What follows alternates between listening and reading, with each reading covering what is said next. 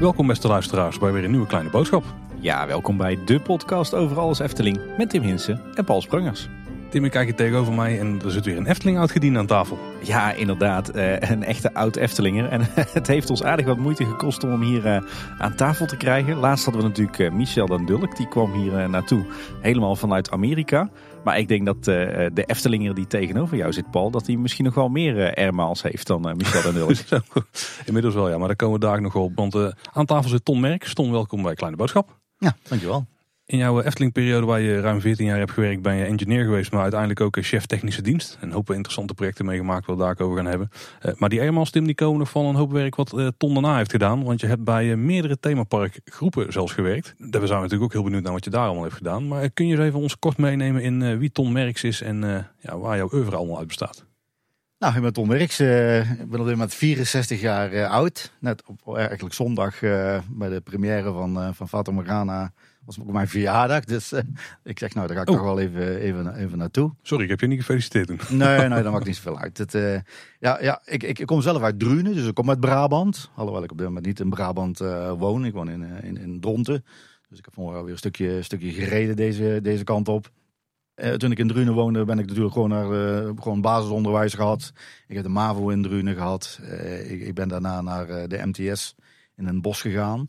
Mijn vader die had een eigen bedrijfje, een orthopedische schoenmakerij. En ik was de enige, ik ben de enige zoon.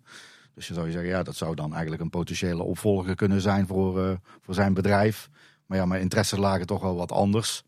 Eh lagen toch meer in, in, in, in, in, de werktuigbouw, in de, in de mechaniek eh. Eh, vandaar ik naar de MTS ben gegaan. En, en, en toen wil ik eigenlijk nog verder. Dus ik ben ook naar de, naar de HTS gegaan, zoals dat toen nog heette. HTS werktuigbouw in eh Sertogenbos. Daar heb ik eh, ja, vijf jaar over gedaan. Normaal zou je zeggen is vier. Eh, maar ja, ik heb ook ik had nog wat hobby's. eh, volleybal, carnavalsvereniging, scouting.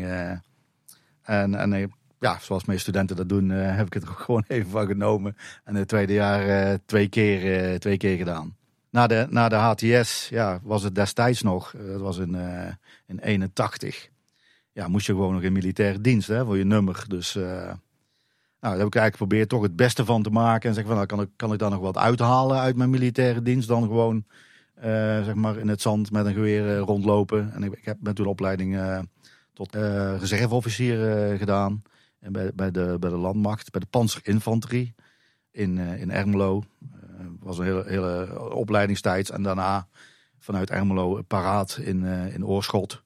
En daar was ik dan pelotonscommandant van een, van een panzerinfanterie eh, peloton met vier van die eh rupsvoertuigen met een kanonnetje erbovenop. Zo. En we hebben daar heel veel oefeningen gedaan. Eh het was ook een stukje techniek natuurlijk.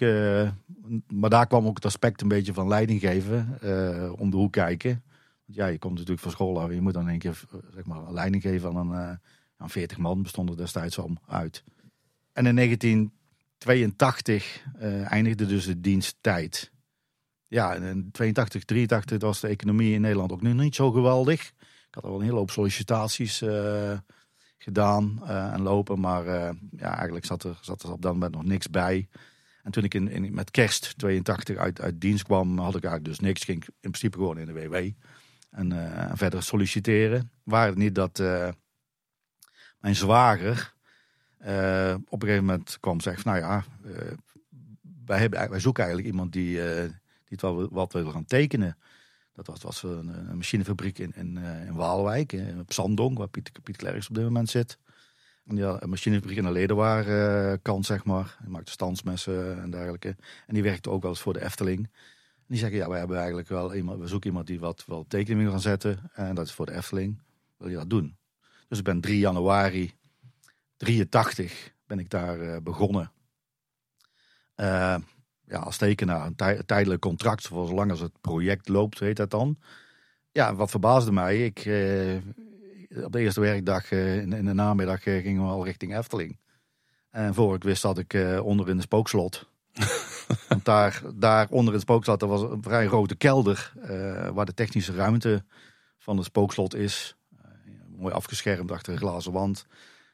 Stellages met allemaal Revox recorders. En daar stond dus ook eh, zeg maar de, de, de, het prototype van, van de pop van, eh, van eh, Fata Morgana. Oh, oké. Dus ik heb toen meteen kennis gemaakt met, eh ja, met Marie van Heumen en Henk Smulders. Dat was eigenlijk toch wel de twee mensen die, eh, die zeg maar, dat hele prototype van die, van die pop van Fata Morgana eh, gebouwd hebben. En ont, ont- ont- ontwikkeld hebben. Eh, en die zeiden van ja, we, we- we moeten dat ding een beetje perfectioneren. Maar, maar bovenal, ja, wij kunnen dit niet zo aan een machinefabriek geven. En zeggen van ja, ga dit maar maken. Hè. Eh, het gaat natuurlijk ook om een stukje ja, betrouwbaarheid. eh, maar ook, ja, het moet reproduceerbaar zijn. Eh, ja, en, en, en, en, het moet lang, lang, blijven, lang blijven draaien, zo'n zo'n mechaniek. Dus ik ben eigenlijk daar begonnen onder in het spookslot. en kwam er eigenlijk alleen maar tussen de middag uit. Wat daglicht te, on- te ontvangen. Eh, met, met een tekenbordje. eh, een tekenbordje wat je op de tafel kon zetten. Met een, eh, niet eens met een, met een parallelgeleiding of wat dan ook op. Gewoon een, een houten, houten, houten lat met, nog met een driehoek. Alles, al- alles met potlood op papier zetten natuurlijk.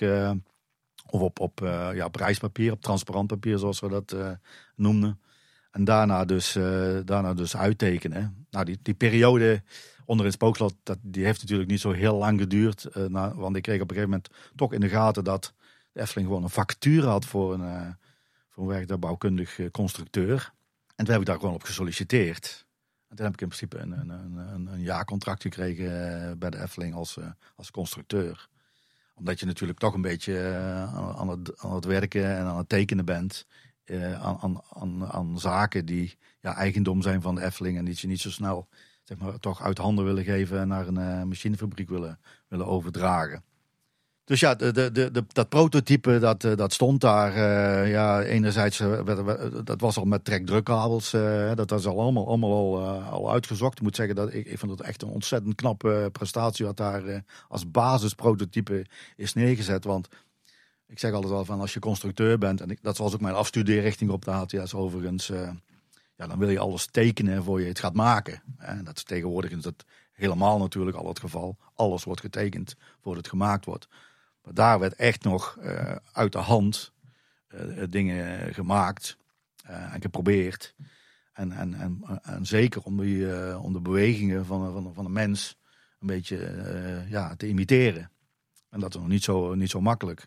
Want als je je nekbeweging bijvoorbeeld neemt en je zou zeggen van nou dan, eh, dan maak ik daar maar gewoon een enkelvoudige scharnier van. Ja, dan, dan ziet er dat niet uit. Nee. Hè? Een, een nek, ja, ja, we- kunnen het menselijk lichaam nog steeds niet namaken. We kunnen nog geen spieren namaken. Dus we proberen dat zo goed mogelijk te, te benaderen. En ik denk bij animatronics, ja, wat ontzettend belangrijk is gewoon, is dat het, het, een, een, een- dat het eh, vloeiende bewegingen zijn. Ja, want je zit maar al te vaak eh, in, in, in, oudere dark, dark rides en eh, in parken zie je dan eh, dat, dat dat houterig gaat. Want dan zie je al dat het op lucht gaat bijvoorbeeld. En dat je dan ook nog een keer psh, psh, psh hoort. Hè? Dus dat, Ja, ja. dat, dat, dat, dat pneumatische dingetjes hoort als, als, als bijgeluid. En, en dat het heel houterig is. Ja, ik denk dat, dat ze daar ontzettend goed in geslaagd zijn. Om de meest essentiële bewegingen gewoon in, die, in dat prototype in te bouwen. Eh, Ton, voor de, de luisteraars van ons die de Fata Morgana documentaire eh, niet hebben gezien of nog niet hebben gezien. eh, zou jij dan eens kunnen uitleggen als ingenieur hoe die animatronics werkten en hoe ze in elkaar zaten? de, de, de bewegingen zijn natuurlijk in principe scharnierpunten. En die zo natuurlijk mogelijk van het li- men- menselijk lichaam afge- afgenomen zijn. Ik geloof wel dat de schaalgrootte van die, van die figuur van Fatima Morgana iets eh, kleiner is als, eh, als één op één. Eh, ze, zijn maar 1,50 meter hoog of zo. dus dat is een beetje andere schaal. En dan werkt dit allemaal met, de bewegingen worden allemaal gem- gemaakt middels nokkenschijven. Dus ik kan daar nog wel een, ver- een verhaaltje over vertellen wat wel leuk is. Want in- die documentaire wordt ook al getoond natuurlijk van op zoek waren naar de beste manier om dat, die beweging aan te drijven. Het principe van, van de beweging wordt ge- geactiveerd middels eh, een trekdrukkabel. Want je moet die techniek, die kun je niet allemaal boven het decor leggen. En die zit, kun je ook niet in de pop verwerken. Of je met lucht of pneumatiek of hydrauliek eh, of wat dan ook werkt. Je krijgt altijd iets wat er weggewerkt moet worden. Eh, met, met nokkenschijven is dat een vrij groot apparaat. Hè? Vandaar dat er een vadermegaan natuurlijk een grote kelder onder zit. Eh, met, met perslucht, ja, dan heb je ook units met, met, met luchtcilinders waar die trekdrukkabels aan vast komen zitten. En met, met eh, lineair motoren, met spindelmotoren. Ja, die schroefdraad met die moer. eh, ja, dan, dan heb je daar ook units voor nodig eh, die je aan moet sturen. Maar wat, wat, wat essentieel eigenlijk was, een beetje in de keuze is van als je met lucht werkt of met, met, met spindelmotoren, is het het programmeren. Want wil je iets wat vrij programmeerbaar is en moet dat constant veranderd worden? Of heb je een programma wat eigenlijk altijd op de vaste, vaste programma afspeelt? Uh, Fata Morgana is dat bijvoorbeeld, eh, ja, als je door Seine vaart, moet dat natuurlijk eh, een bepaalde tijd duren. En daarna moet je, moet zijn programma weer opnieuw afspelen. Ik geloof dat iets van 19 tot, tot eh, programma van 19 seconden is en van 26 seconden. Afhankelijk hoe lang de figuur in, eh, in, in, eh, in het zicht is. Dus de eh, ja, Mari en, en, en, en eh, Henk waren daar nog mee aan het experimenteren. Eh, en wij hadden daar een figuur, die, die, dat prototype waar daar stond, daar hadden ze ook al een keer een masker op gezet. eh, en we, we- dat, dat prototype heette ook Abdul. Ja, waarom weet ik niet, maar het was misschien omdat het een Oosterse naam is. Dat programmeren, we hadden dus één arm bijvoorbeeld hadden we op, eh, op, eh, de schijven staan. En, het hoofd stond geloof ik op, eh, op luchtcilinders of op lineair motoren. En toen hebben we geprobeerd om, eh, om die pop eh, eh, met een pak melk zeg maar, in een beker eh, met de linkerarm eh, een pak melk in een beker te laten schenken. En dat dan op te laten drinken. Dat was wel heel hilarisch. Maar toen zagen we al heel snel dat die beker eh, ja, echt voorbij zijn mond zat, weet je wel. Of in zijn linkeroor gegoten werd. En, en, eh, en dat kwam omdat lucht, ja, dat, dat, dat, dat is heel erg... De, de beweging van een luchtcilinder, als je die wil programmeren... Ja, die, die, die positie van die luchtcilinder, ja, een eind- en een beginpositie is wel makkelijk. Maar alles wat er tussenin zit, dat kun je niet dat kun je niet monitoren. Ja, eh, je kunt dat, dat, er waren wel sensoren die, waar je wat mee kon meten, maar dat was meestal alleen een tussenstand. Maar echt een, een, vloeiend, een vloeiende beweging met een luchtcilinder maken, dat was nog steeds eh, niet mogelijk. Ik ben toen nog eens een keer bij een, bij een ingenieur, het mannetje bij Philips geweest. En die had zogenaamd een eh, proportioneel luchtventiel uitgevonden. Maar dat was allemaal zo in het beginstadium. Dat, dat, dat konden we absoluut niet gebruiken. Eh, dus ja, eh, lucht is onafhank- afhankelijk van temperatuur, verandert lucht, eh, verandert de snelheden, verandert de drukken. Dus dat was gewoon niet, niet eh, goed te gebruiken. Alleen voor hele snelle beweging. Dus de, de, bijvoorbeeld de, de, de, de oogleden, eh, die zitten wel op, op, op lucht. Dus dat was, dat is wel, eh, eh, dat kon cilindertje konden we ook makkelijk in het hoofd in, eh, inbouwen. Dat was natuurlijk ook al een beetje de uitdaging. Er zat zoveel in in die pop. Dat je, eh, ja, en die, die trekdruk, de trekdrukkabels, die waren vrij stug. Je had wel verschillende diktes en verschillende slaglengtes. Maar je moest er wel allemaal kwijt in die, eh, in die pop. En, eh, dus we, zijn, we hebben ook dat we zeg maar achter op de rug een aantal kabels gewoon verticaal hadden. En die gingen dan over in een, in een fietskabel. En die fietskabel ging bijvoorbeeld een arm in. En die deed dan de, de polsbewegingen. Je had, we hadden twee polsbewegingen. Eentje was het op en neer bewegen en het draaien van de onderarm. En dan had je natuurlijk het, eh, het schouder eh, of de elleboog. Hè, met eh, het, het, het, het op en neer gaan van de elleboog. Maar ook het, ook het draaien van de elleboog. En dan de schouderscharnier ja, naar buiten en, en omhoog en omlaag van de arm. Dus je had in de arm had je wel zes, zes functies Ja. zitten. Na twee Ja. armen heb je er al twaalf. Hè, het hoofd had een aantal, aantal functies. Ik geloof dat wij op een gegeven moment we maximaal op een schijf. Dat waren dan twee, zo'n zo'n curve schijf. Waar we toen uiteindelijk eh, ook voor gekozen is. Omdat dat eh, de meest vloeiende beweging had. En een vast programma konden programmeren. Eh, en we zijn, we zijn we daarop verder gegaan. En, en, en de doelstelling was om zoveel mogelijk modulair te bouwen. Want dan konden we gewoon dingen weglaten. Als, als alleen de linker of de rechterarm moest bewegen, dan de linkerarm werd gewoon, waren gewoon een paar strips met scharnieren. En die werden er dus aan vastgemaakt. Of, of zelfs, je hoeft niet altijd het van de pop uit te laten bewegen. Maar als je een pop vastmaakt aan een voorwerp wat, al, wat, wat makkelijker kan laten bewegen, ja, dan kun je ook dat voorwerp laten bewegen. En de pop eigenlijk laten aan, aandrijven door het voorwerp wat, eh, wat beweegt. Dus dat, dat, dat hebben we op die manier, ja, heb ik toen al die eh, dingen op papier gezet. Ja, je kunt je tegenwoordig echt niet meer voorstellen, maar destijds werd het dus allemaal gewoon nog op papier gezet. En, en je moest dan aanzichten tekenen. Maar je moest ook van tevoren nadenken van, oké, als ik dus eh, die beweging maak met die slag, ja, dan moet ik dus ook op papier even uittekenen of dat je dat kan maken. En als de andere ding ook die slag maakt, kan, eh, gaat dat dan niet in elkaar zitten. Hè? Je wil ook niet dat, ja, zeg maar een pop met de arm boven op het hoofd terechtkomt en dan vervolgens alles aan gort gedraaid wordt. Maar dat was meer bij het programmeren dus een, een, een, een belangrijk iets.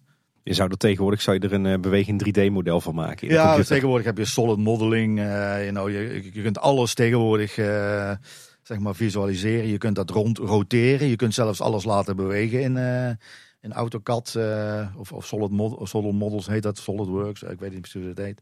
Ik heb die slag een beetje gemist, want ja, ik heb nog wel een keer een basiscursus AutoCAD gevolgd. Omdat, ik, omdat dat toen ja, kwam, toen ik bij Efteling werkte. En jij moest wel weten waar je dan over praten.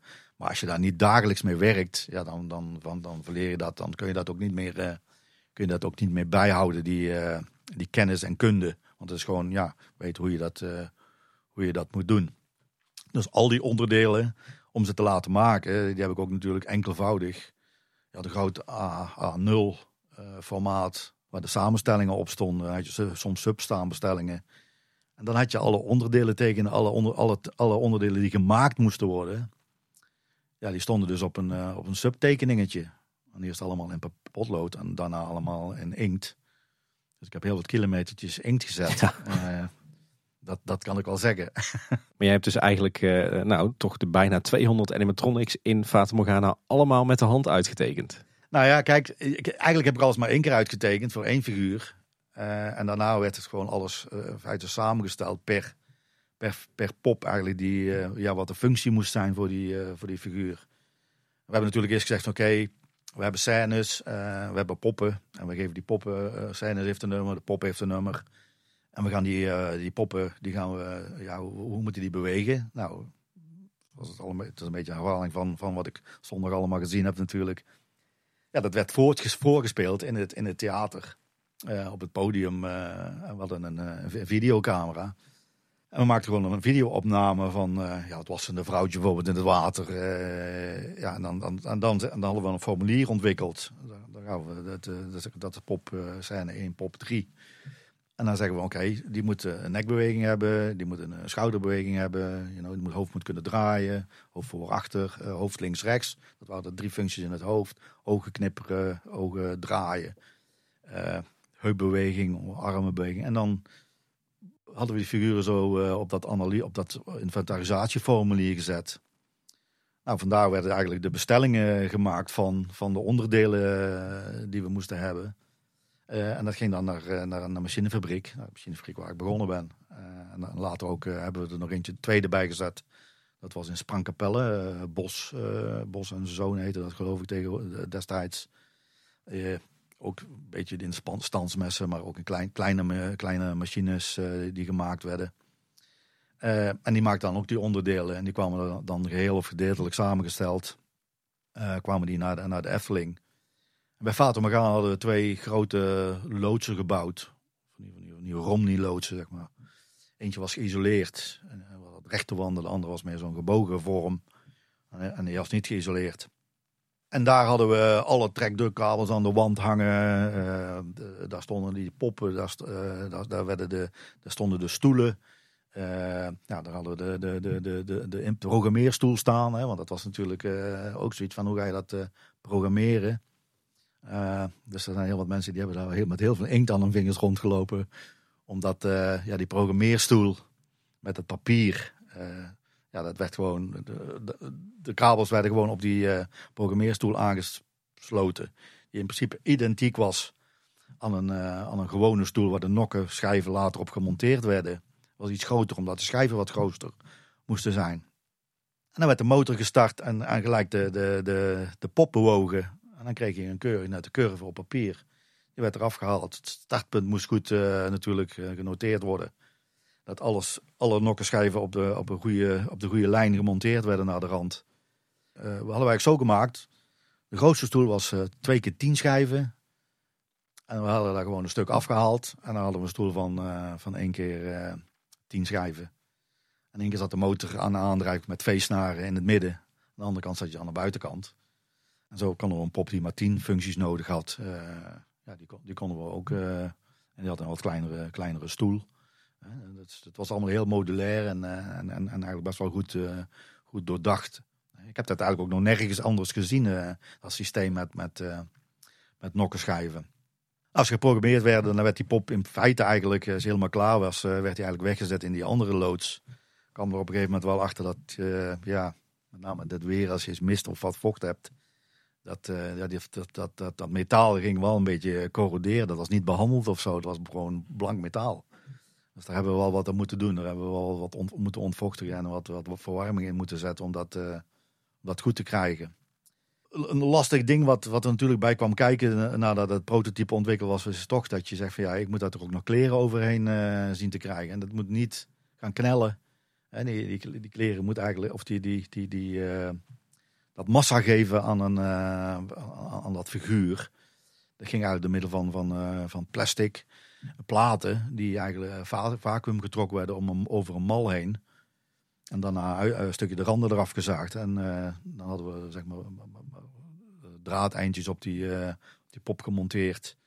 Waar je dan heel makkelijk die schaaldelen op kon vastzetten. En dat beschermde enerzijds de mechaniek.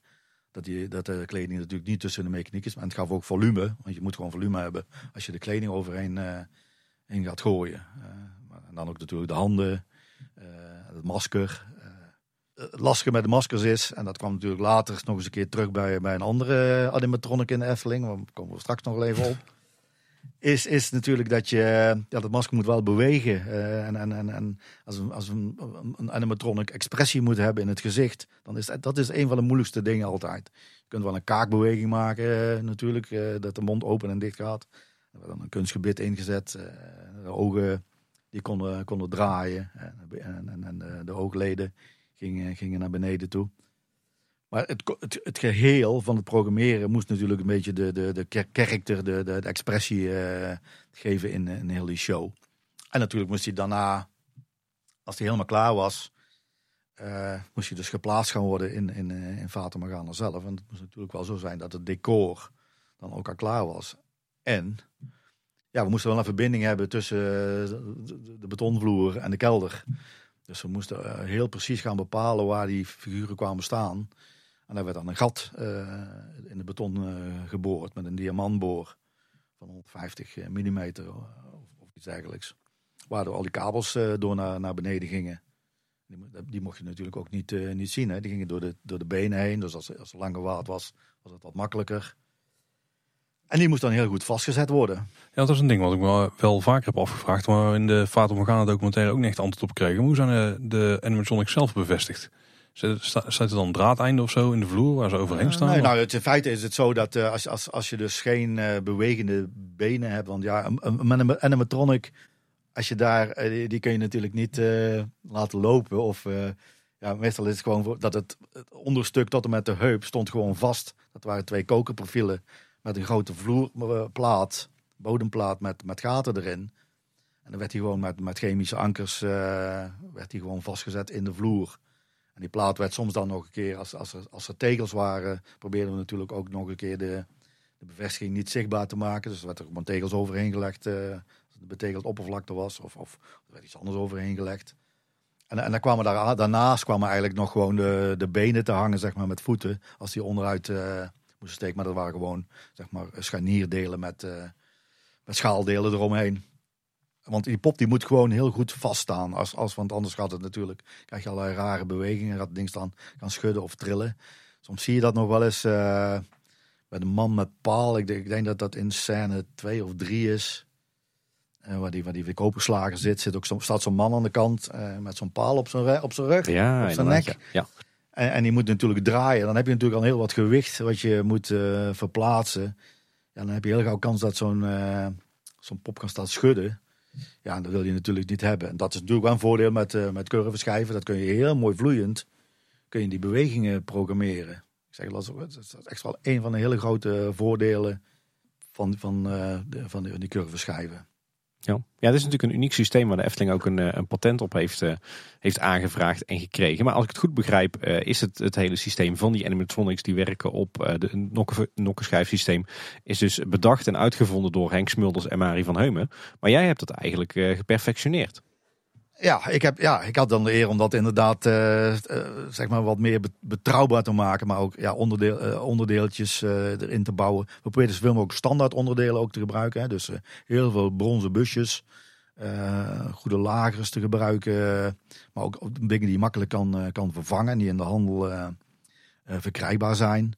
Eh, een, een, een uniek stukje wat ook dan daarna gepatenteerd is, is wel een beetje in, de, in, de, in de schouder.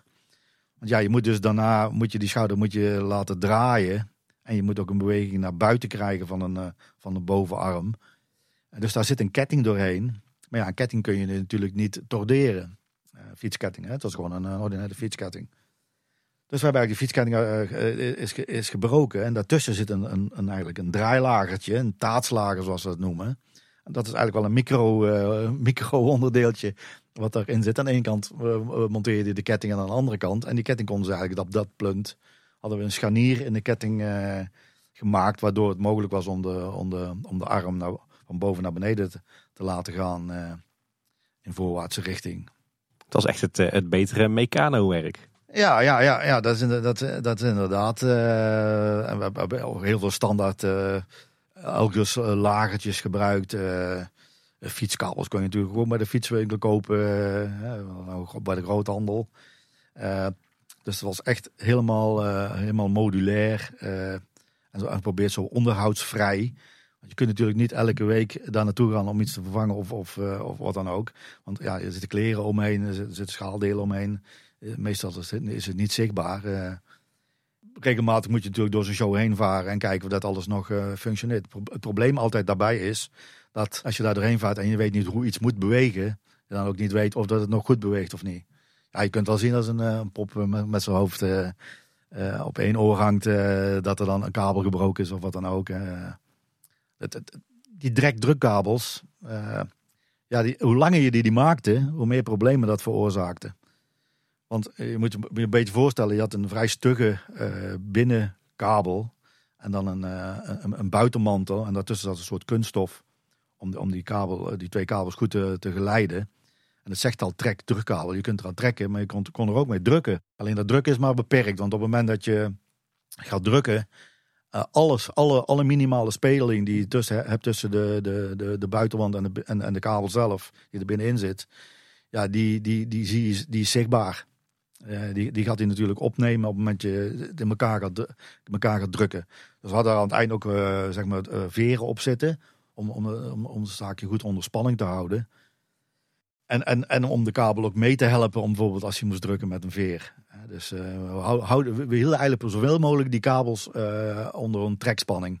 Ingenieus systeem eigenlijk. hè. Ik ben Ja. benieuwd wat, wat de huidige onderhoudsmonteurs van de Efteling eh, voor opleiding krijgen om te kunnen werken aan die Ja, het is allemaal een hele simpele techniek eigenlijk als, als, je, er, als je er naar kijkt. eh, het, het, het, het is, het is een kwestie van goed afstellen. Eh, want ja, en ze- we hadden kabels met 25 mm, 50 en 75 eh millimeter.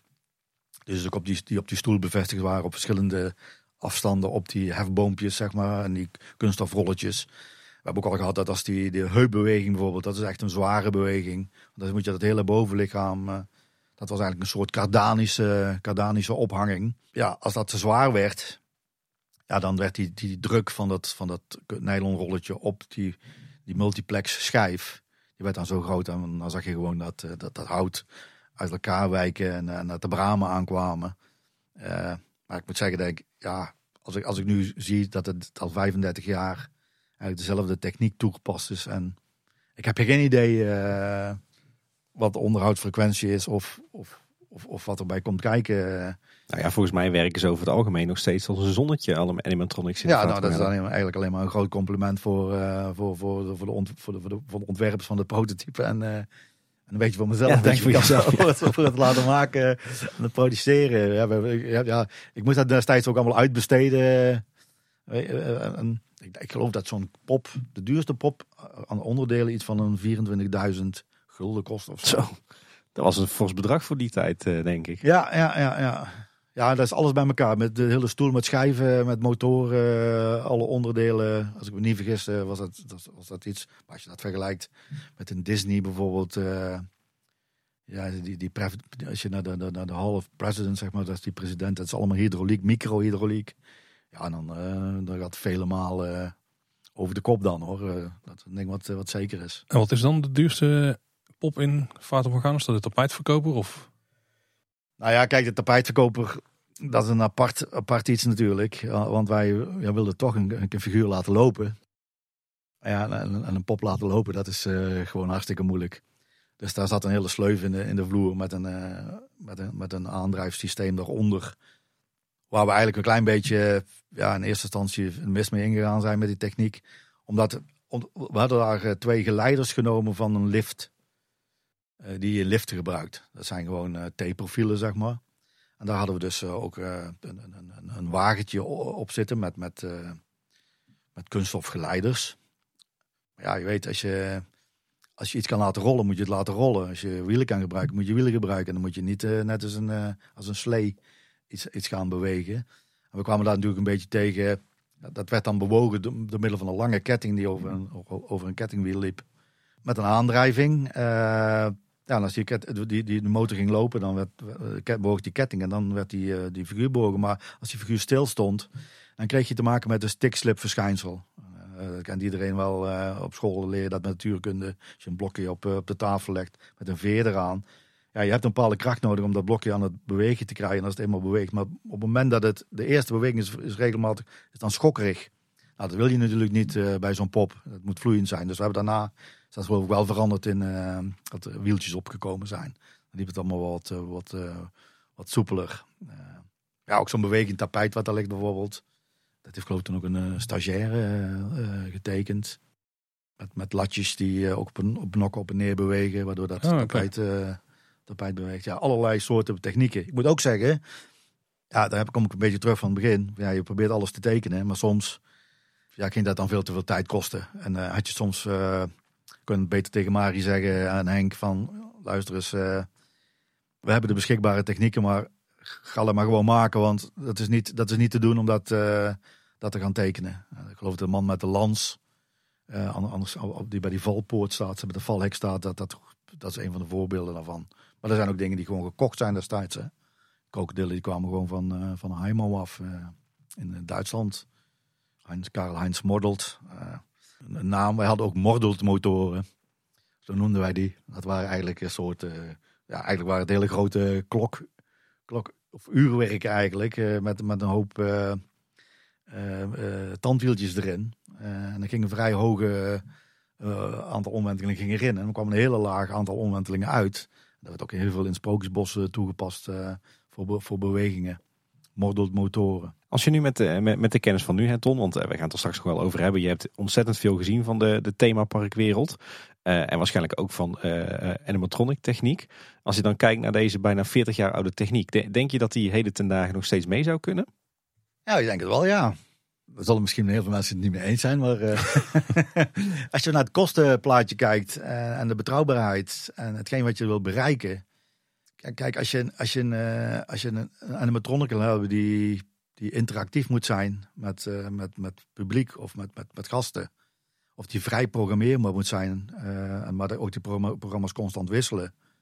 Ja, dan wordt het, dan wordt het wel een ander geval, denk ik. Eh, de beperking natuurlijk van deze techniek is dat je, je hebt een kelder nodig. Je hebt een ruimte nodig waar je de nokkenschijven kwijt moet. Dat is natuurlijk ook een nadeel. Eh, terwijl je natuurlijk als je andere technieken kijkt, eh, met, met elektromotoren, ja, of met microhydrauliek, eh, ja, dan is dat wat minder eh, noodzakelijk. Dat zie je natuurlijk in droomvluchten terug. Hè, want dat is natuurlijk een, het was eigenlijk al een beetje weer een tweede generatie eh, na, de, na de Trollenkoning. An- Animatronics. Maar ja, als je tegenwoordig kijkt wat ze kunnen met robots. ja, die kunnen ze gewoon laten lopen, laten springen. En ja, je kan maar op internet kijken, op LinkedIn. Zie je daar machtig mooie voorbeelden Ja, ja. van.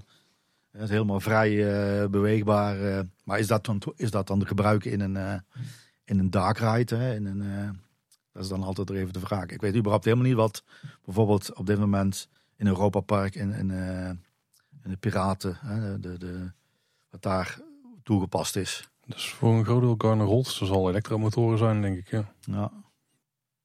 En ze hebben ook, weet je ook weer, Hofman figuren. Ja, Hebben die ook Hofman, ja? Hofman is ook een, eh een gerenommeerde leverancier van eh, de twee broers, eh Hofman, gebroeders Hofman. die, die bezoeken ook altijd stevast op als je naar, naar de beurs gaat, hè, naar de, de Europese attractieshows. Want die, ja, dat zijn echt een beetje, hoe noem je dat zeggen, pioniers op het gebied van, eh, van animatrons, maar met name zij, zij deed heel veel dieren. Heel veel. maar, maar zij maakt ook animatronics voor, eh, voor grote zeg maar, eh, eh, shoppingmalls. eh, net als Heimo eigenlijk dat deed. Je kent wel die, die zwarte Piet die bijvoorbeeld om anders een touw omhoog kl- klimt. Dat zijn de, de bekende die, die zij dan maakt. Ah. Ja, Tom, voordat we de rest van jouw Efteling carrière gaan doorspreken, wil ik eigenlijk op een ander puntje even inzoomen. Want ehm, ja, je komt hier uit de buurt, dus ik neem aan dat jij vroeger ook wel eens in de Efteling bent geweest. Maar had je al een band met het park voordat je er ging werken? Nee, eigenlijk helemaal niet. ja, niet in de zin van, oké, eh, ja, de Efteling, als je in, Brabant woont, ja, dan, weet, dan ken je de Efteling en wij wonen er niet zo ver vandaan natuurlijk. Dus ja, een bezoek aan de Efteling, dat, eh, dat ging natuurlijk regelmatig wel een keer naartoe. Maar niet, niet in de zin van dat we er elk jaar kwamen zelfs. Eh, ik heb nog wel een foto kunnen, gevonden dat ik een keer, keer geweest ben met, met ons gezin. En dat we er ook nog foto's gemaakt hebben. Maar verder eh, had ik eigenlijk helemaal niks eh, met de Efteling of met het attractiepark. Als ik niet toevallig, ik ben er echt heel toevallig ingerold, mag ik wel zeggen. Was het dan niet heel raar om met jouw opleiding eh, in het vak te rollen met het ontwerpen en het uittekenen van animatronics? Ja, dat wel ja, dat, dat, dat, dat kan ik wel zeggen. En het is ook een beetje, hoe moet ik dat zeggen, je bent natuurlijk een techneut. En dat ben ik eigenlijk nog steeds. Alhoewel natuurlijk in de loop van de jaren eh, en ook in de carrière in Efteling... eh, ja, als je wat hoger komt en, en managementfuncties krijgt, dan kom je eigenlijk steeds verder van die basistechniek af te, af te staan. Wat ook gewoon heel erg jammer is. Eh, vandaar dat ik ook nog heel graag in die, in die techniek, techniek- techniek induik.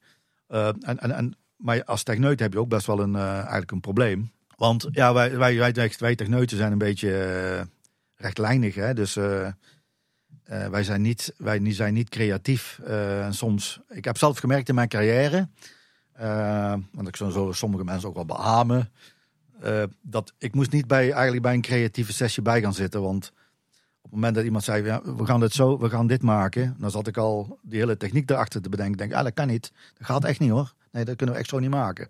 Ja, en dan blokkeer je eigenlijk heel het creatieve proces.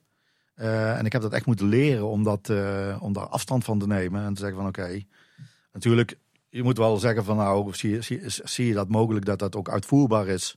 Want ja, creatieve mensen, die hebben natuurlijk de mooiste ideeën. Maar ja, het, moet, het moet maakbaar zijn, het moet langdurig blijven werken eh, en het moet betaalbaar zijn. Ja, dus dat zijn eigenlijk de, de ingrediënten die je nodig hebt. Maar ja, dat, dat is wel een dingetje wat ik altijd geleerd heb. Maar ik had nooit gedacht dat ik nog ooit bij de Efteling zou eh, werken. En ja, ik kan ook wel zeggen dat ik het Efteling gevoel eh, heb. Maar ik zeg al, als je er niet meer werkt, dan, is dat, eh, dan heb dat toch wel een klein beetje weg. Hè?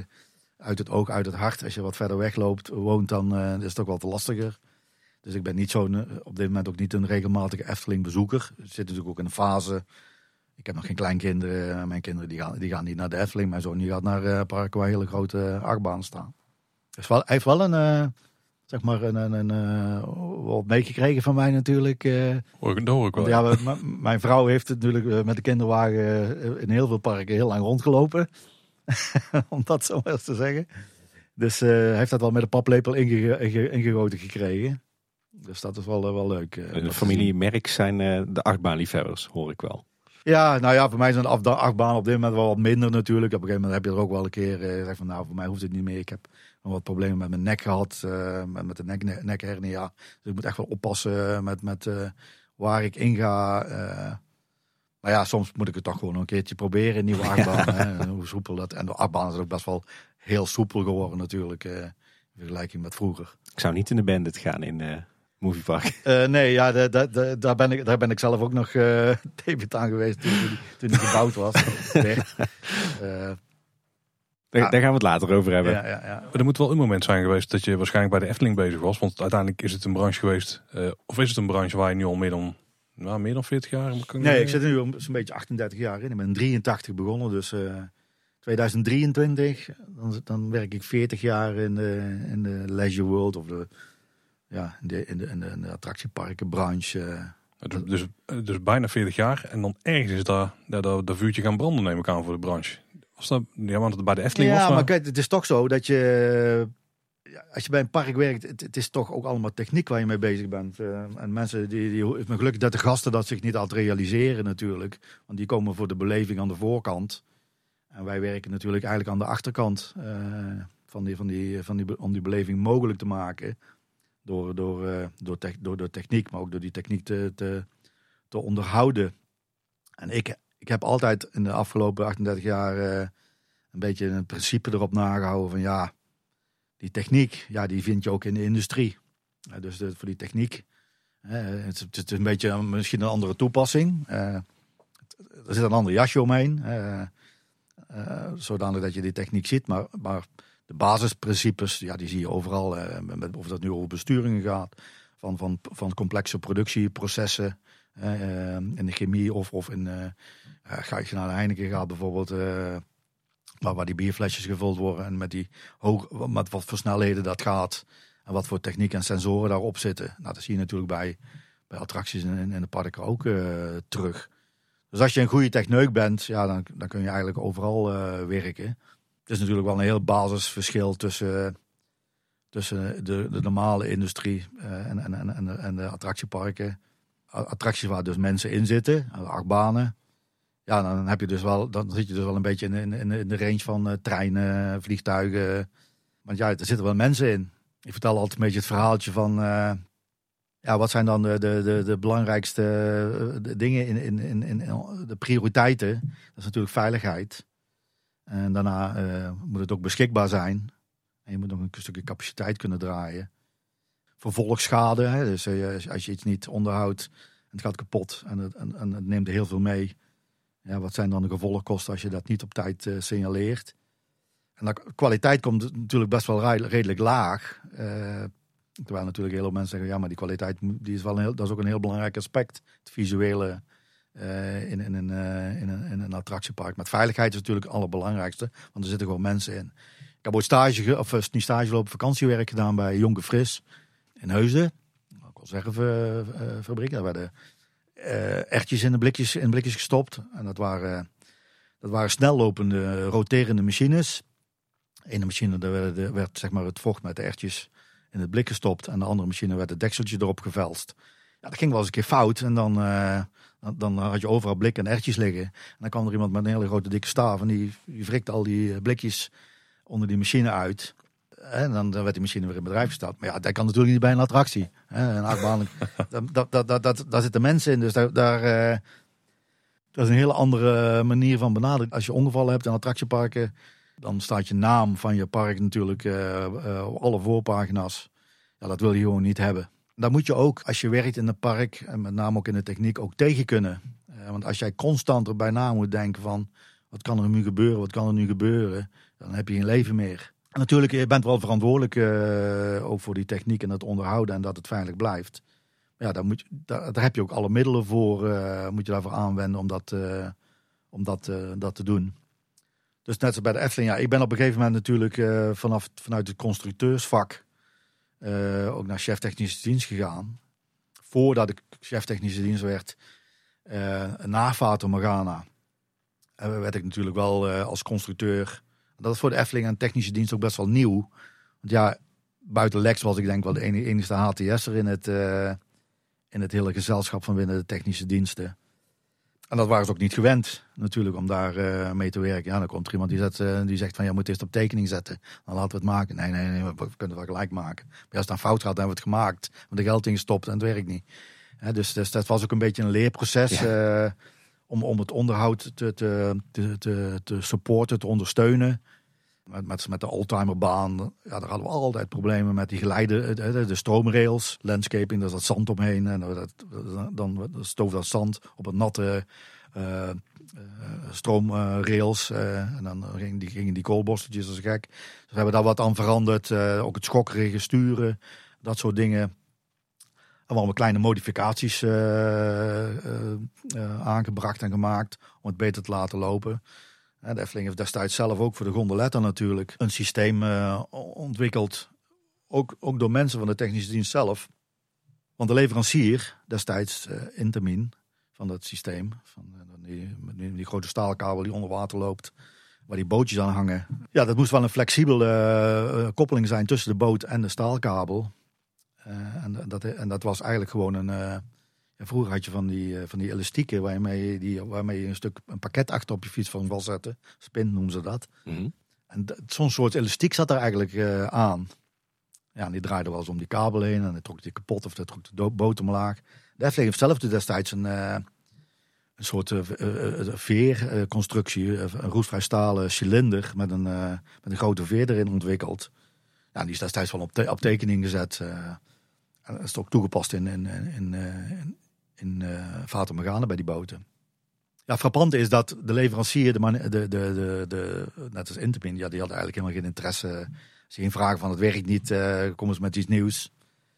maar wel zo dat als een park het zelf ontwikkeld had, ja, dan, dan, namen ze dat gewoon over. En dan, dan, zag je de volgende keer als ze zoiets bouwden, als eigenlijk jouw idee ge, uh, gejat. en zeggen van nou, het werkt dan een stuk beter dan het voorheen deed. Ja, hoe zou dat nou komen? Ja, ja, ja, ja, dus dat, dat, die, die, daar is de Efteling natuurlijk altijd wel sterk in geweest om uh, iets goed bedrijfszeker te maken. Dat je niet uh, ja, constant uh, daar problemen mee hebt met zo'n met zo'n attractie. Hoe, zag jouw werk er in de jaren 80 uit bij, bij de Efteling? Want je hebt dus vanaf 1983 uh, ben je volop bezig geweest met het uh, eigenlijk perfectioneren van de animatronics van Fata Morgana. Maar ik begrijp uit jouw woorden dat je eigenlijk in de jaren 80, wanneer er eigenlijk ieder jaar wel één of meerdere grote attracties bij kwamen, dat je eigenlijk met allerhande projecten bezig was. Ja, ik was zodanig bezig met, met het ondersteunen van het onderhoud en, en, en, modificaties of groot onderhoud. maar ook met, met nieuwe projecten. Ja, soms was, ik, ik heb op een gegeven moment gezegd, ja, ik ben eigenlijk bijna zo'n beetje een deelprojectleider. Maar ik werd dus ook heel sterk betrokken natuurlijk bij, uh, bij, bij nieuwe attracties.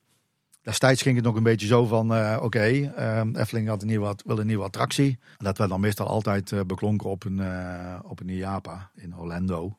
Was er toen alleen nog maar. Dat werd meestal beklonken. En dan moest het ook volgend het jaar erop al klaar zijn.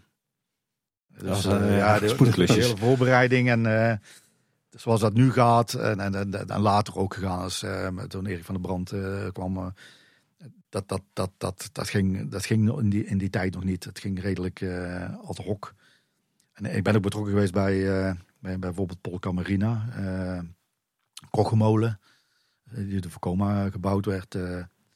ja, dan moest daar een stukje bewegend decor gemaakt werden, worden. En dus moest een grote walvis, uh, was Jonas en de walvis natuurlijk. Die, daar stond de walvis in het midden.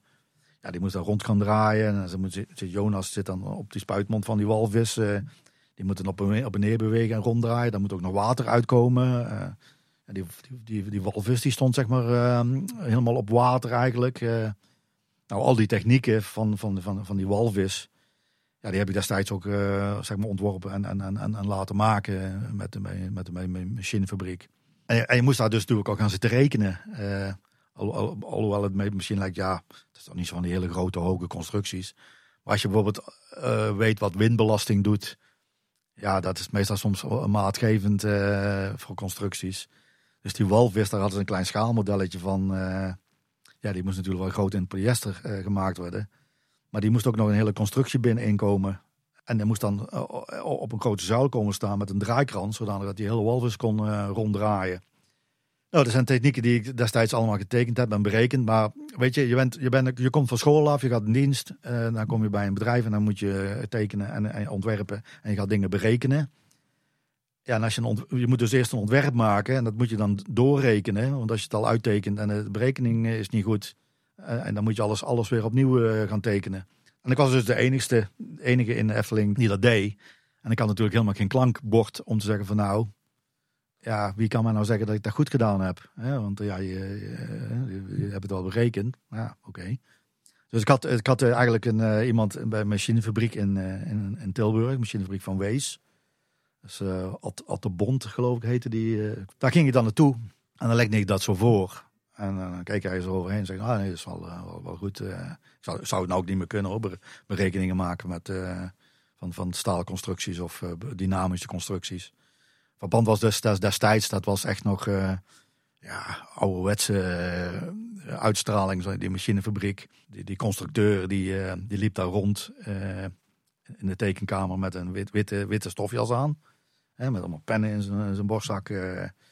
En, en, en die tekenkamer keek ook uit over de, over de, over de fabriek zelf. Het was nog een beetje van, wij zitten hier boven en jullie staan naar beneden en jullie moeten het maken. Dat was, dat was, heel typisch uh, nog in die oude, oude machine, machinefabrieken. Maar daar heb ik ook veel geleerd. Uh, van die man praktische dingen. Maar ook, ook, ook destijds met, met, met, met, zelfs met de animatronics van, van, van Fata Morgana. Ik kan het wel tekenen, maar het moet ook gemaakt worden. En als, als je het niet kan maken, kan ik het wel mooi tekenen, maar dan werkt het natuurlijk niet.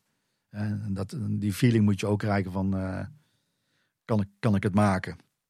En dat is natuurlijk ook een beetje van, ja, het ene moment zit je in een animatronic met hele kleine M4-boutjes en 5-boutjes. En volgende moment staat de pagoda voor, je, voor de deur. Zo, ja. Er zitten iets grotere bouten in, kan ik me voorstellen. Ja, daar was ik ook een stukje, stukje deelprojectleider van. Ik heb dat ook technisch uh, begeleid. Mooi was natuurlijk altijd dat je, ja, we gaan, gingen natuurlijk dan ook kijken bij, uh, bij, de, bij, de, bij de leveranciers. Hè? Dus uh, Intamin, Intamin heeft zelf nog niet zoveel om te zien, want die heeft alleen maar een, eigenlijk een kantoorgebouw in, uh, in Wollerau in, uh, in, in, Zwitserland. Maar bijvoorbeeld uh, ja, Giovanola, die, die, zat, dan in Monté tegen de Franse grens in Zwitserland. Die maakte bijvoorbeeld het hele eiland van, van de pagode. Daar zijn we wel eens te kijken, bijvoorbeeld hoe dat, toen ze dat ding daar opgebouwd hadden in Zwitserland en bij hun fabriek. Die maakte eigenlijk hele grote ja, silo's met een hoop staalplaat de, de, de, baan van de bobbaan zelf, die hebben, die hebben zij ook geleverd. Maar dat is ook een subcontractor van, van, van, van Intermin. Ja, de Pagoda was wel een, een, een, geval apart. Dus het uh, was iets andere, van iets, iets andere orde en grootte. En ik heb dus ook de hele bouw destijds mee mogen maken, ook bouwkundig. natuurlijk mogen ze zien hoe dat ging. Destijds was Bart Jutte was, hoofd technische diensten. En die was eigenlijk gewoon ook de projectleider van het geheel. En Leo Pullers, mijn collega, van de bouwdienst, die, die, die deed het hele bouwkundige gedeelte. Ik destijds nog geen chefdienst was, deed, deed, deed, deed het ondersteunen van het werktuigbouwkundige gedeelte. Maar er werd me daar een gat gegraven en damwandprofielen in de grond uh, gerand. 11 meter diep. Er werd beton onder water gestort. Het kreeg ze gewoon niet droog. Zoals een specialistisch bedrijf die dat, uh, die dat ook deed. En daar werd toen de hele, hele, hele put opgebouwd. Ja, en, dan, en toen kwamen natuurlijk de eerste onderdelen van, uh, van, de, van de arm. Ik noem het altijd een beetje een uh, omgekeerde hockeystick. Ja. ja. het eigenlijk een beetje. Er heeft een beetje een uh, uitstraling van. Die kwam in delen aan. Het grootste gedeelte was eigenlijk het, het gedeelte waar het contragewicht en de scharnieren zitten. En dat werd er dan bovenop uh, opgezet. Nou, we hebben eerst, eerst moesten nog de cilinders erin. Die hydraulische cilinders. Ja, dat zijn natuurlijk gigantische cilinders. Uh, die zijn, zijn 11 meter lang. hebben een, uh, een, zuigerstang van 220 mm. Uh, ja, Dat is een doorlopende, ze noemen dat een doorlopende zuigerstang. Hè. Bij fietspomp heb je bijvoorbeeld dat uh, de, de, de, de, ding waar je aan uh, aandrijft zeg maar om te pompen. Dat zit alleen maar één stang zeg maar, met een afdichting naar, naar, de, naar de buis. Maar je kan je voorstellen, aan de daar kwam aan de andere zijde, die kwam die stang er ook uit, de zuigerstang. Dus die zuigerstang die ging helemaal, dat was eigenlijk ook voor de stabiliteit. Je hebt dan boven en onder een lager en het midden, midden de zuiger zitten. Hm. En dat werd dan hydraulisch uh, aangedreven. Dus die cilinders die werden erin gehezen zonder dat er al iets op, zonder iets op zat. Uh, en die moesten natuurlijk eerst in positie gebracht worden. Die kwamen ook van de fabriek af, uh, die cilinders. En er zat al, al olie in. Die stonden te hoog, dus er werd onder olie uitgelaten. En boven kwam er eigenlijk lucht in. En zo werden ze gepositioneerd. Er werd het eerste stuk erop geplaatst. Daarna werd de hele arm zeg maar, uh, opgebouwd. Je, werd, je kwam in delen vanuit uh, Zwitserland, vanuit of Oostenrijk, van, van Wagener Biro. Ik heb er nog foto's van dat hij op een grote trailer uh, op de Europalaan oprijdt. het eerste grote stuk van de pagoda. Om, dat, dat hij het terrein, terrein opreed. Nou, toen die hele arm klaar werd, werd met, met een hele grote kraan. Daarnaast werd de, de, de, het eiland helemaal opgebouwd. Met alles erop en eraan, alle decors en, en dergelijke. En werd toen met een hele grote kraan van, eh, van Boekenstein. Uh, werd dat op de, op de arm uh, gehesen. En werd het heel, geheel afgebouwd. Ik heb daar nog zo'n zo onderhoudstoren voor moeten tekenen. Die onder de pagoda staat. Om, om zeg maar bij, bij, het, bij de cilinder te komen die daar weer helemaal boven bij het scharnierpunt zit. Die het eiland zeg maar horizontaal moet, moet houden. Ja, toen moest dat hele ding natuurlijk in bedrijf gesteld worden. Nou, wat ook nog een hele, hele, hele truc was, was natuurlijk het, uh, ja, het contragewicht. Moest eigenlijk zo'n beetje zijn dat het hele ding een beetje, als het leeg was, in balans was. of eigenlijk zelfs nog in onbalans, dat het eiland nog steeds zwaarder werd, was als, uh, als dan wanneer het contractgewicht op zou zitten. Dat je altijd op eigen gewicht omlaag zou komen. Maar dat was in het begin niet helemaal het geval. Oh. Dat contractgewicht is ter plekke gestort. Met, met, met, dus met een, met een bekisting. dat was toen van Hilti, als ik me niet vergis. Dat was toch wel een huzarenstukje om dat daar ter plekke te storten. het ding is natuurlijk horizontaal gestort. Waar de hele grote haarbalken lagen, stalen haarbalken lagen in de, in de wanden van de put, in, in, in uitsparingen. En aan de zijkant hadden ze purschuim uh, gezet, zeg maar. En aan de bovenkant een hele bekisting met een, met een, met een soort stijger, een steunconstructie. En daar is geloof ik toen 340 ton uh, aan, aan, beton ingestort. Uh. Nee, maar jij zegt hij is horizontaal gestort, dus hij lag op zijn kant, zeg maar. Nee, hoor, ja, dus, dus, dus de, de arm lag gewoon horizontaal. Oh ja, natuurlijk. Ja, dus ja, ja, hij is natuurlijk verticaal gestort. Want dat, dat, als je zoiets plat moet storten en omhoog moet uh, trekken. Nee, dat lijkt me ook al vrij veel. Hij is toch helemaal vast aan de arm. Hè? Er zitten allemaal, zaten allemaal pinnen aan die arm. Waar, uh, dus hij is gewoon echt gestort aan de arm vast. Ja, en er zat ook een wapening in, in, in, in dat hele geval. Dat was een gigantische, gigantische constructie van, van, van betonbewapening die daarin zat. Betonstaal. Ja, en, en op een gegeven moment, uh, dat is ook wel een leuke anekdote. Ik geloof niet dat, dat iemand dat weet, dat ooit verteld is. Toen moest natuurlijk de, de, de, hele bekisting weggehaald. En toen zat eigenlijk, zat er onderin zat nog een steiger. Uh, en, en, en, en, en, die, en, en die balken. Uh, en toen hebben die, die, die, die balken zijn weggehaald. En toen hebben ze met een uh, staalkabel. Hebben ze eigenlijk die, die purschuim aan de twee zijkanten hebben ze die doorgetrokken. En wat gebeurde toen? Toen ging de constructie in één keer helemaal omhoog. Oei. En dat had niemand verwacht. Er had niemand over nagedacht. Dus het contragewicht was wat zwaarder. en, en, en, die stijger die eronder in stond, die, uh, die werd in elkaar gedrukt. Er was gelukkig niemand onderin in die kelder. Er waren wel, volgens mij hadden wel uh, werknemers op het eiland. En er hing er ook een, een elektriciteitskabel aan. Uh, dus dat ging omhoog. En, en waarom ging, ging dat omhoog? Omdat ja, die, die cilinder was natuurlijk wel afgesloten. Maar omdat er lucht zat aan de bovenkant van die cilinder, ja, lucht is wel comprimeerbaar. Ging die op zijn lucht, een stukje wat hij kon mhm. bewegen om die lucht te comprimeren, ging hij omhoog. Dus we hebben dat ding toen omlaag moeten lieren. Uh, maar dat was wel, een, uh, was wel iets van, oké, okay, uh, nou eens komen kijken wat er nu gebeurd is. die mensen moesten er natuurlijk weer af, die werknemers die daar bezig waren. Ja, het, het contragewicht was eigenlijk iets te zwaar. Daar hebben we, nog, hebben we toen nog een stukje afgehaald. Maar we zaten, het probleem was natuurlijk, je zat er redelijk snel aan de wapening. Dus je kon ook niet door die wapening heen uh, gaan met een, uh, met een slijp om alles weg te halen. Toen dacht Tom van der Ven, nou ga ik extra decoratie op het eiland plaatsen? Of nee? Nou ja, het eiland natuurlijk, de decoratie, dat was al sowieso een, een, een, een, een dingetje. Dat, dat, dat, dat, dat mocht ook, maar was ook een beperkte hoeveelheid. De hele lichte staalconstructie met, uh, met die koorpanelen eraan. Dat, uh, nou, dat, dat is eigenlijk best wel goed uit, uitgekomen eigenlijk. Hè? Met een, windmeter uh, bovenop ja, dat testen van het hele, hele ding destijds was ook nog wel een, een, een, een uitdaging. Want we hadden in, het begin best wel wat problemen gehad met, met de hydrauliek. De, de, firma Hagenboeg uit Zwitserland, die, die heeft die hydrauliek helemaal ontworpen. Maar zoals dat gaat met, met, met hydrauliek en met aansturen van zulke grote massa's en van die cilinders, uh, dat gaat allemaal met proportioneel ventielen. Dat gaat allemaal in stapjes. en, en, dan ga je dus heel geleidelijk de snelheid opbouwen dan, dan hou je die snelheid de hele tijd constant.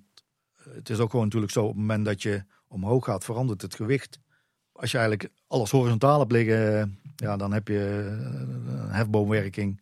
En die, die, die hydraulische cilinders zitten vrij dicht bij het scharnierpunt natuurlijk. die is niet helemaal aan het eind, dan heb je zulke lange cilinders nodig. Dat is niet, uh, niet te doen.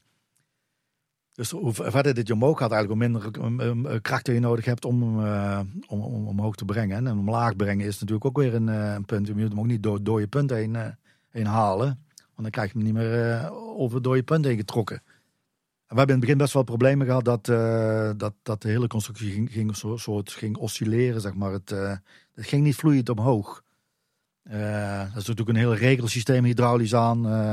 Die firma is daar ook voor terug geweest. heeft daar toen een uh, oscilloscoop aan om alle kanalen zeg maar, van alle ventielen te monitoren. En, en hebben daar toen uh, nog, een aantal accumulatoren uh, Want als je dus te snel omhoog gaat en de, de hydrauliekolie kan het niet bijbenen. Ja, dan krijg je dus eh, gekke dingen in, in, in, die cilinders met bewegingen. En dan, dan, dan lossen ze dat meestal op met een grote buffer met hydrauliekolie onder druk. Die zeg maar dat, eh, dat const, die druk constant houdt in die cilinders. Met name ook door het veranderende krachtenspel. Allemaal zaken waar wij als eh, pretparkbezoekers niet bij stilstaan natuurlijk. Eh, Nee, maar dat moet ook natuurlijk niet. Hè? Dus eh, je moet het van de buitenkant beleven. Eh, de attracties zijn er om het te beleven en niet om, om na te denken over van, ja, hoe doen ze dat dan? Hoe, dat zijn meestal de techneuten die attractieparken bezoeken, die vragen zich dan af van, ja, hoe doen ze dat dan? Heel herkenbaar. Ja, snap die, Dus, eh, die vraag die stellen wij onszelf denk ik eh, twintig keer op een dag als we in een eh, pretpark rondlopen. Ja, ja en, en, en die krachten bij zo'n pagode zijn natuurlijk immens als je ziet hoe die wanddiktes zijn van die, van die arm. en, die, en die lassen zijn ter plekke gemaakt. Dat zijn helemaal gestapelde lassen. Dat zijn het allemaal met gecertificeerde lassers onder goede condities gemaakt. Het testen van de noodstop van zo'n eh, van zo'n constructie. Dat deden we dan met, eh, met, met, met loodrollen. Hebben loodrollen op een gegeven moment op het eiland gelegd om een, eh, om een last te creëren. Nou, als je omhoog gaat, is het allemaal nog wel. Hè, dan dan is de snelheid is omhoog, maar het gewicht is omlaag. Maar als je omlaag gaat met, die, met het pagoda, dan is de snelheid omlaag. En het gewicht is ook omlaag. Nou, als je dan bijvoorbeeld een noodstop geeft, dat wil zeggen dat je in één keer alles eraf gooit, alles, alles, alle spanningen eraf gooit. De hydrauliek stopt in één keer, alle kleppen gaan dicht. En het ding staat gewoon stil. Nou, dan zeggen ze van olie is niet samendrukbaar. Nou, olie is samendrukbaar. Als je dan ziet hoe die cilinders dan ook inveren eh, op dat moment. En die arm dan zeg maar eh, veert. Ja, dat is echt... Ja, voor zo'n voor zo'n voor zo'n grote constructie is gewoon angstaanjagend. Maar op het moment dat het nog veert, dan mag je eigenlijk blij zijn, want alle techneuten zullen dat beamen. Op het moment dat wolken, wolkenkrabbers, zeg maar, hè, hoge gebouwen kunnen bewegen, dan, eh, binnen bepaalde mate natuurlijk, dan is het goed. Maar op het moment dat je te start bouwt, ja, en het niet meer beweegt, dan breekt het af. Beter buigen dan breken inderdaad. Ja, het is beter buigen dan eh, als het iets flexibel is, dan eh, zit je al mooi in de elastische zone. Hè? Maar als je ja, naar buiten gaat, dan, dan gaat het meestal kapot. Het duurt soms even, maar eh, dat dan wel. Maar dat was, dat was, dat was toch wel een, eh, ja, een mega ding eigenlijk, eh, die, die, die pagoda. Er zijn Ja. er ook niet meer zoveel op de wereld hè. Ik ben in 89 ben ik naar Amerika geweest. Eh, want ik heb toen gezegd, ik werd toen chef technisch dienst. Ja, jullie praten altijd over Disney. Ik heb dat nooit gezien. Ik kan er niet over meepraten. Is het mogelijk dat ik een soort studiereis maak eh, naar Amerika om wat parken te bezoeken? Om buiten de Efteling. Om ook eens wat ervaring op te doen van wat doen ze daar, hoe doen ze daar. eh. en als het mogelijk is ook nog even het plaatje met de technische mensen te, eh, te maken. Dus ik ben toen naar eh, 26 dagen in Amerika geweest samen met mijn, eh, mijn vrouw. Oeh, dat is een mooi reisje. Ik heb er Ja. toen een beetje een eh, ja, Amerika-trip van gemaakt. eh, New York, eh, Washington, Niagara Falls. eh, en toen in Orlando natuurlijk alle parken bezocht. En ik kwam ook in Cypress, Cypress Garden uit. En in Cypress Garden stond ook een, eh, stond zo'n pagoda. Eh, grote woorden Kodak erop. En ik heb daar nog een, nog een poster van zelfs. En waar het niet dat ik eh, natuurlijk in mijn laatste vijf jaar eh, bij de Legoland Parken in Florida terecht kwam. en Legoland Florida is gebouwd op, op Cypress Garden. Dus die, die, die, die, ja, het vliegende eiland, zoals ze dat noemen, dat staat daar nog steeds, maar het is niet meer in bedrijf. Het park heeft destijds al uit bedrijf genomen, omdat het, ja, om het, om het in bedrijf te houden, de kosten zouden te hoog zijn eh, geworden. Dat was volgens mij ook de eerste versie, volgens mij, van, eh, van, het, van, een soort pagoda-achtig eh, attractie. Ja, volgens mij staan er andere in Japan en in Gardaland. ja. Ja. ja. Dus voor de tweede keer in jouw loopbaan kwam je Flying Island tegen. Ja, ja, van dat was, dat wel heel frappant. Zeg, maakte er maar een grote bloembak van. Zei je niet, ik, ik kom hier de boel weer eens aanzwengelen. Ja, nou, dat met die pagoda, dat was gauw snel bekeken. Nu we het toch hebben over attracties uit, de, uit parken uithalen, dat zie je ook niet zoveel gebeuren. Er zijn parken zijn heel erg eh, terughoudend van, nou ja, die attractie, ja, die, die allemaal niet weghalen. Eh, Never en nooit niet. Eh, ook, al niet. ook al is het niet, ja, economische levensduur is natuurlijk in eerste instantie altijd, maar daarna ja, ga je dat ding dan nog, die attractie dan nog langer in bedrijf over de volgende tien jaar, ga je er nog een hoop kap- kapitaal tegen aangooien voor 10 jaar of 20 jaar. Eh, sommige attracties die is, ook, is dat heel goed te doen. Andere attracties moet je gewoon zeggen, ja, die onderhoudskosten worden zo hoog. Of, maar met name ook, is, is, eh, wat is de belevingswaarde nog van die attractie? Past die nog in, ons, in het park? Hebben we die eh, eh, oppervlakte nodig voor uitbreiding van het park? Willen we eens een keer de hele scala aan attracties veranderen? Of is het, is het een iconische attractie en gaan we die nooit wegdoen? En dan kom je natuurlijk ook een beetje bij de, bij de, bij de Python terecht eh, Ja. in de Efteling. Want die is nog gewoon zoals hij is. Hè? Dus eh, ook al is het een van de eerste attracties, eh, die is al gebouwd voordat ik bij de Efteling kwam werken. Dat is 1981 eh, geweest en ik ben in 83 begonnen. Ik kreeg natuurlijk door daarna ook te maken met, eh, met de Python eh, en het onderhoud eh, daarvan. Ja, de Python is, is nu helemaal, er staan nieuwe treinen op, nieuwe besturing, eh, een nieuwe baan. Het enige wat nog geloof ik bleef is de kolommen. Ja, en de lift. Ja. Ja, en de liftconstructie. Maar die staat er dan ook al eh, ja, 40 jaar. eh, hè, dus dat kan wel. Alhoewel het bijna een hele nieuwe attractie is. Kleinere achtbaantjes die doen meestal wat langer hoor. Die, eh, die kun je wat langer in bedrijf houden. Hoe, hoe was het eigenlijk om in de jaren tachtig in de Efteling te werken? Wat hing, hing er voor sfeer in het bedrijf en, eh, en bij de technische diensten?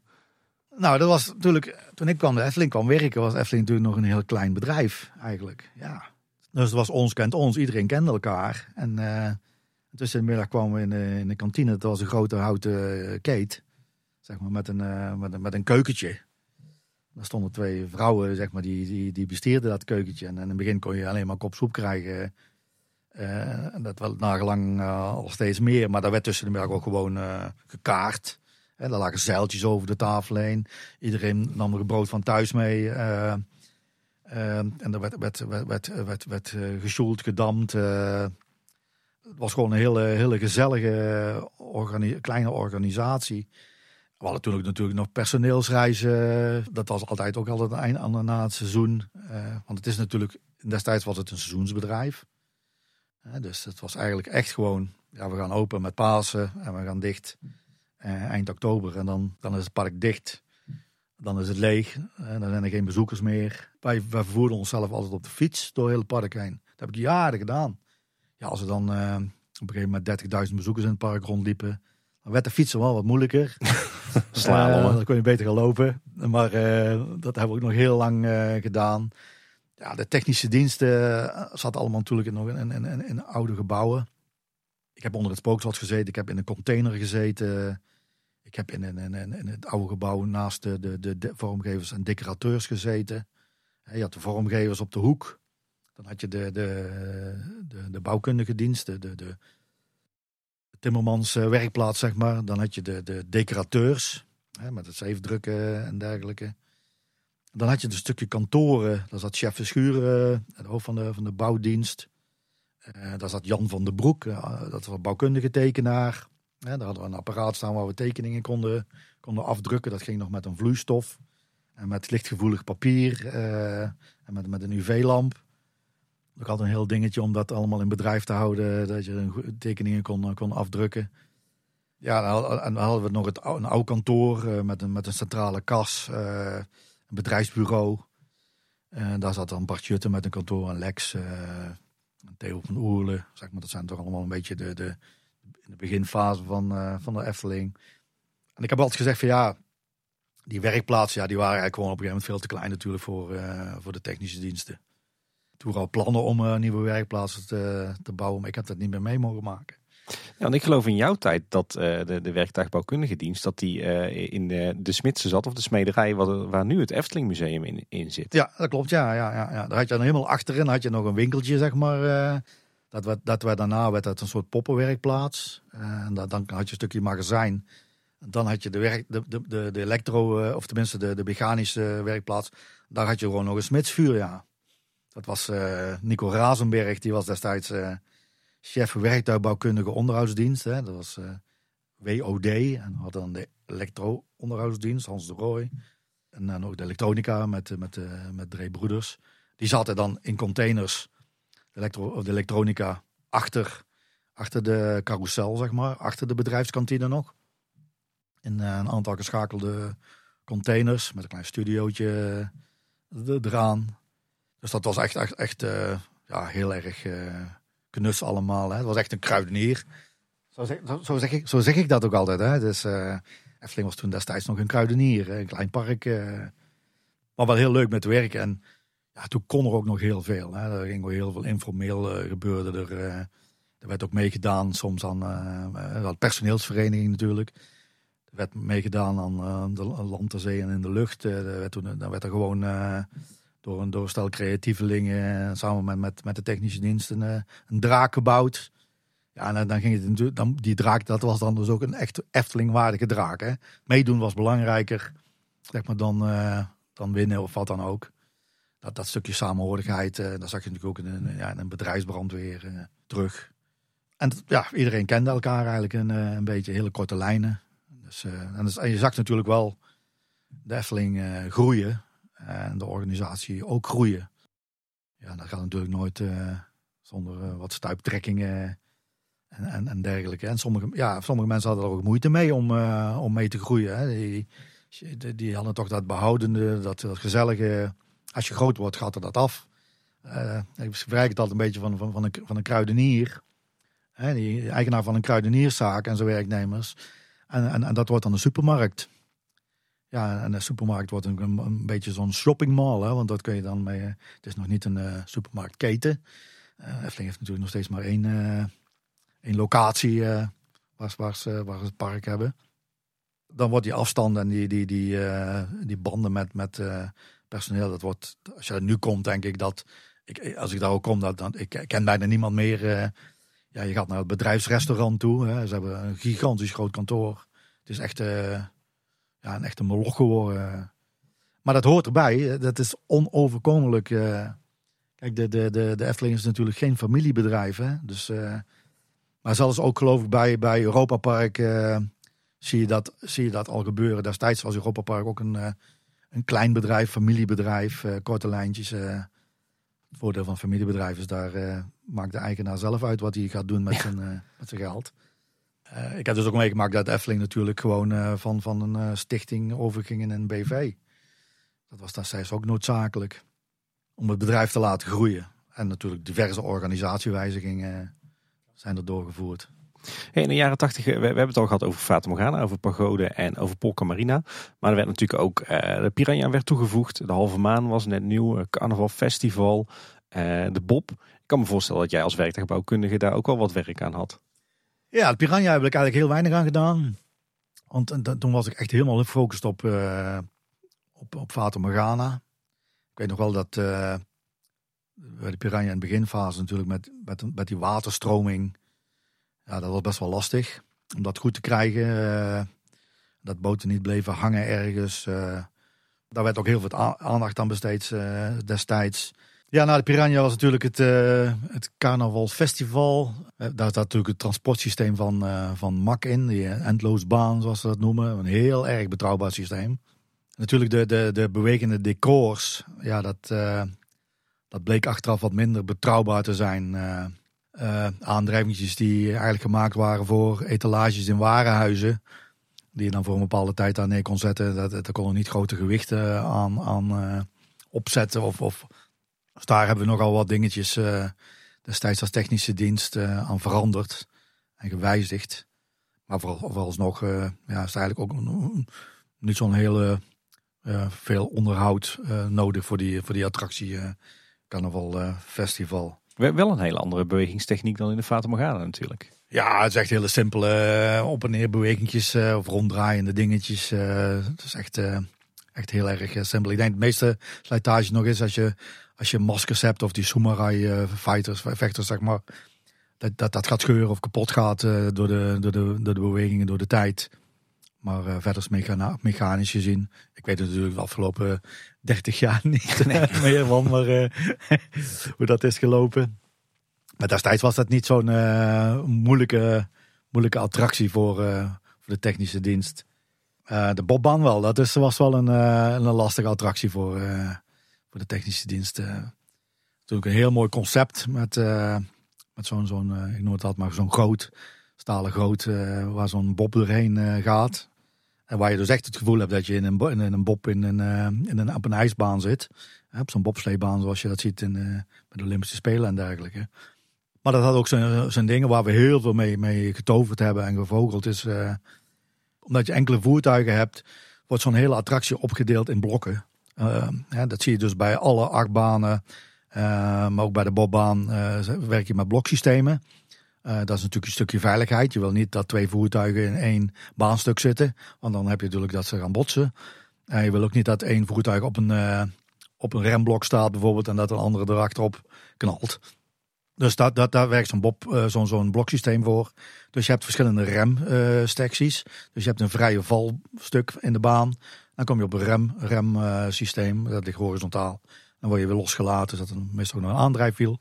En probeer natuurlijk zo vloeiend mogelijk uh, door die hele baan te gaan. Zonder dat je overal stil moet staan met die bob. Want dat is natuurlijk een stukje beleving. Is dan, is, is dan weg. En dat, dat aanrijden van die bob naar zo'n. En dat zorgen dat die bob dan op dat, uh, op dat remblok uh, mooi erin rijdt. Dan zag je ook allemaal in die, in, in, in die goot, zeg maar, uh, staan. Nou, daar hebben we heel wat mee uh, op zijn Brabants gezet liggen klooien. Uh, om, dat, om dat vloeiend te krijgen. Waren er dan in het begin ook problemen dat de bobs wel eens terug uh, de goot invielen? Of uh, nee, dat, eigenlijk, dat, ik, dat kan ik me niet herinneren. dat, dat er bobs terugvielen in de goot. We hebben wel, we hadden wel ook wel problemen met, de, met zeker bij, de, met, met de plaatsen van het station met het remmen van, van de bob. Dat ze wat licht tegen elkaar aankwamen. Want je hebt natuurlijk, ja, er zaten van die, van die, van die aandrijf, van die rubber, gewoon autobanden zeg maar op een aandrijving uh, die, die de bob aan de onderkant aandrijven. Maar die, die waren dan meestal ook meteen als een soort rem. Uh, moesten die fungeren. Ja, met nat en met droog weer verschillen dat allemaal weer. Uh, dan kreeg je wel eens dat ze, dat ze licht tegen elkaar aan, uh, aankwamen. Ja, in het station wil je dat natuurlijk niet hebben. Want als je aan het uitstappen bent en, en voertuigen botsen tegen elkaar aan, dat, dan krijg je dat mensen in onbalans raken. Dat moet je gewoon niet, niet hebben. Maar de remsecties was dus vooral dat ze op zo'n comfortabel mogelijke manier daar terecht moesten komen. Ja, dat je dus niet, ja, want die bob, als je, dus, als je, als je die bob, bob ging opvangen en hij kreeg een tik, dan werd hij natuurlijk teruggekaatst door die geleidewielen. En dan kreeg je zo'n soort tik, tik, tik, tik, tik voor de in, in, in, in zeg maar, dit keurig netjes in het remblok uh, terecht kwam. Uh, daar hebben we echt veel uh, aan veranderd. Geslepen en dan weer verzet en dan weer vastgelast. Gekeken hoe het, hoe het zich gedroeg. Dus dat kunnen sommige monteurs van Efteling dus nog wel herinneren. Denk dat, uh, dat we daar menig uurtjes hebben doorgebracht met kettingtakers om dat weg te trekken en weer vast te lassen. Ja, is nog wel één dingetje. Wat destijds een keer gebeurd is uh, met, met de bob, is dat uh, er zijn toen twee bobs leeg, ook op, op, elkaar geknold, zeg maar. dat was eigenlijk omdat in de herfst de, de, bladeren van de bomen vielen. En je had natuurlijk lage stukken in die baan, waar daar zaten gaten in om het water eruit te laten. Uh, ja, dat, dat blad had zich opgehoopt daar onderin. Er kwam een laagje water onder in die baan te staan. Dus als, toen, de, toen de ene bob, zeg maar, door het water reed, eh, ja, kwam die dus niet aan op, bij het volgende remblok. En gleed hij dus terug. En was je eigenlijk een bob kwijt. En dat is dan, dat wordt, dat is dan al wel gesignaleerd, gesignaleerd door de besturing. Maar als je dan niet weet, als je dan geen overzicht hebt van waar alle bobs zijn, waar al die voertuigen zijn, ja, dan, uh, dan kun je dus de zaak resetten. En dan kun je gewoon weer een volgende bob sturen.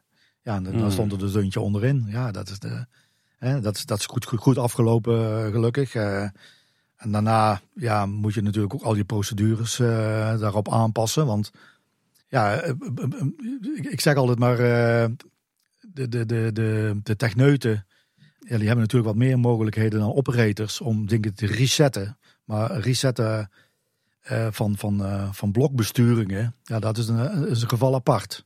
Kijk, als je, als je een achtbaan hebt met treinen, is dat nog heel redelijk overzichtig. Je hebt meestal wel een idee van een trein in een station, een trein in een rem, weet je wel, of een trein op de lift.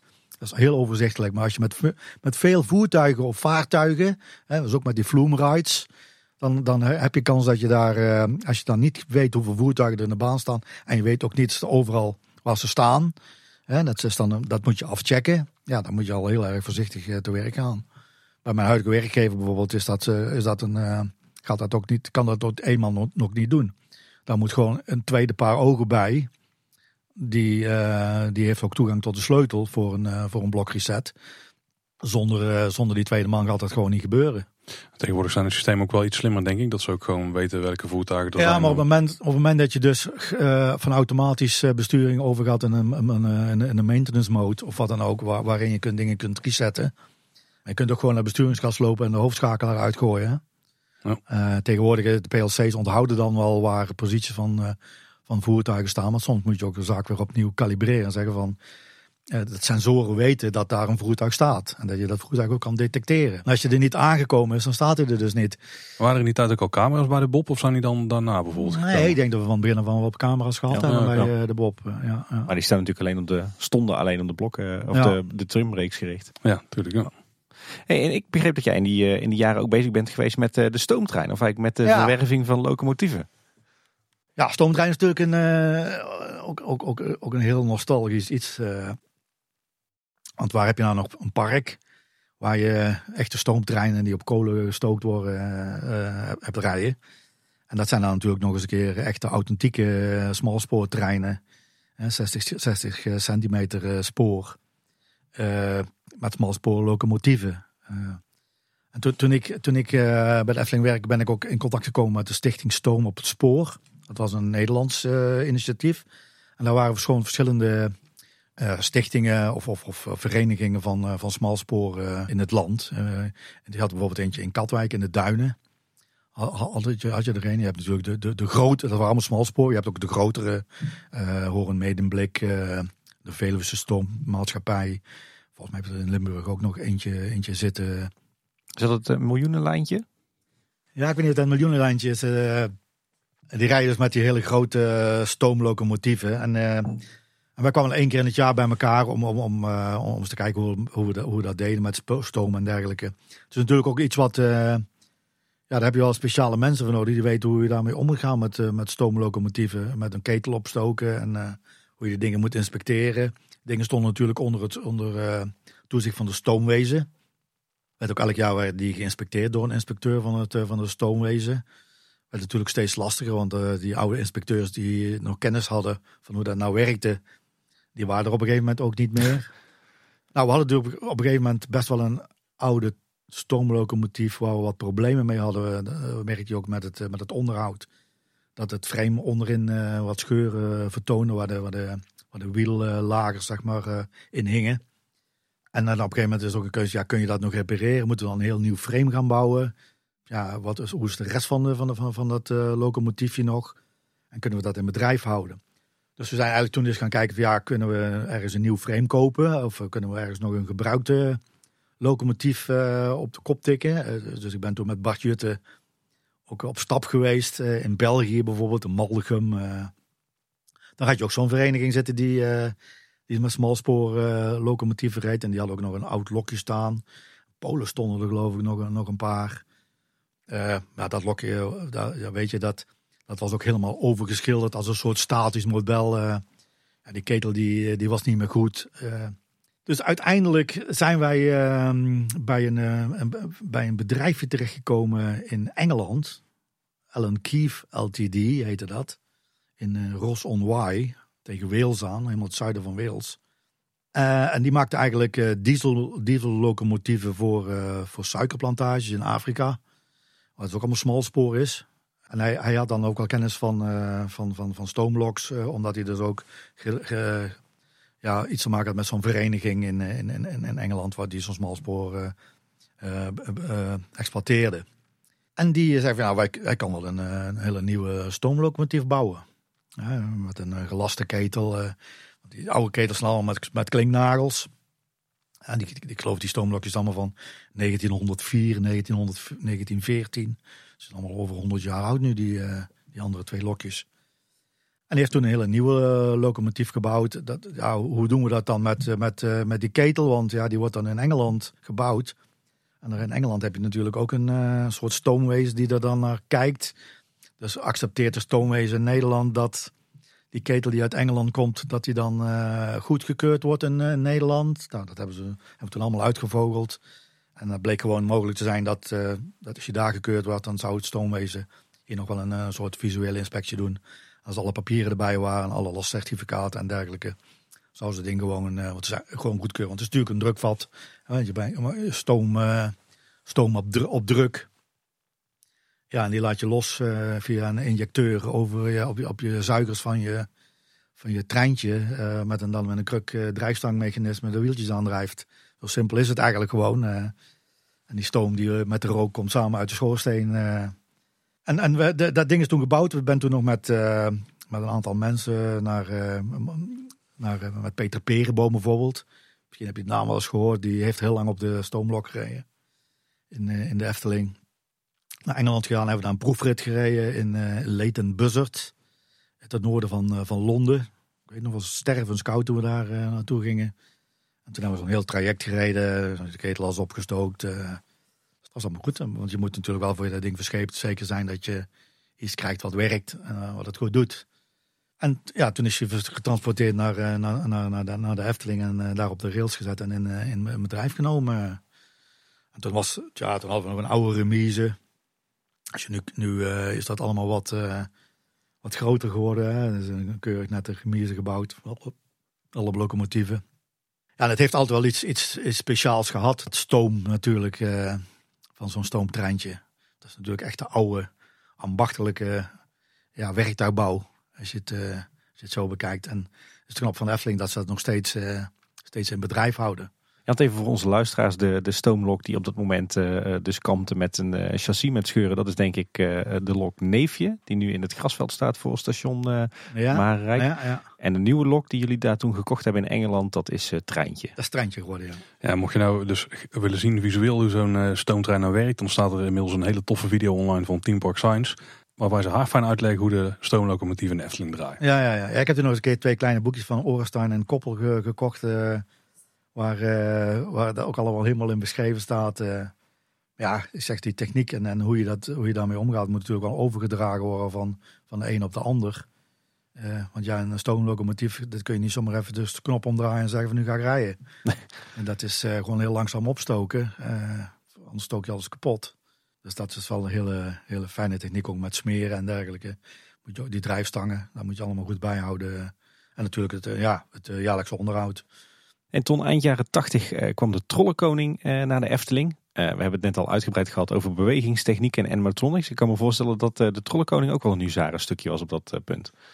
Ja, ehm, dat was het zeker. Om, om maar eens te zeggen van... Ik, ik, ik zei in het begin van, van deze aflevering... Ja, je moet niet proberen alles te tekenen. Je moet ook gewoon soms maken en een prototype bouwen. Maar bij Trollenkoning was dat dus niet het geval.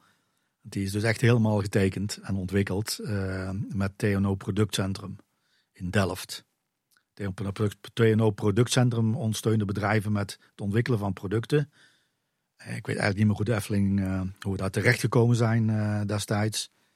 Daar was dat een enthousiaste club techneuten die zeg maar die hele trollenkoning gebouwd heeft. Maar met name natuurlijk het hoofd of de kop. Dat is dus een vernuftig stukje techniek. En dat is allemaal met, met DC-motoren. Uh, met, met een klein uh, riempje en een kotertje. Uh, waardoor je door het variëren van de spanning zeg maar, de bewegingen kan, kan programmeren. Dat zit dan allemaal in, in dat hoofd, in, dat, in die kop ingebouwd. Maar dan kun je al die techniek nog wel ontwikkelen. Maar dan moet je natuurlijk ook nog iets hebben waar wat, wat, wat het, het masker, hè, dus wat de character zelf is. Dus de meeste techniek zit in het hoofd en in de hand. Dat zijn eigenlijk de twee. Er is één hand waar de vingers allemaal van bewegen en, en de hoofd, zeg maar de nek. Uh, is, en voor de rest is de Trollenkoning aan techniek niet heel veel uh, bijzonders. Uh, het bijzondere daaraan is de interface tussen de techniek en het masker. En daarvoor zijn we toen destijds naar Spitting Image geweest in, in Londen. En volgens mij was mij dat ongeveer mijn eerste vliegtrip die ik ooit maakte naar, naar Engeland. naar Canary Wharf, daar zat uh, Spitting Image, waar de, de, de, poppen werden gebouwd. Spitting Image die had uh, dus, uh, omdat ze met characters werkten, bekend van de televisie, die maskers die hadden dus zo'n zo'n expressie, maar een beetje een overdreven expressie. Als je gewoon naar een menselijk gezicht kijkt, is het toch redelijk vlak. Als je ouder wordt, krijg je wat meer plooien natuurlijk, maar voor het recht is het redelijk strak. En ja, een beweging in een gezicht maken met, met, met mechaniek, dat is hartstikke moeilijk. En daarnaast is het zo van, ja, als je zo'n masker maakt, uh, een masker van Fata Morgana, die zijn ook redelijk vlak. Er zit ook niet veel plooien in. Maar als je veel meer bewegingen wil maken in zo'n masker, ja, dan moet dat masker wel meebewegen zonder dat het uh, na twee dagen kapot gaat. En die levensduur van dat masker is eigenlijk altijd wel een, uh, een dingetje geweest. Spitting Image had dan de techniek om dat op die manier ook goed te modelleren en te boetseren.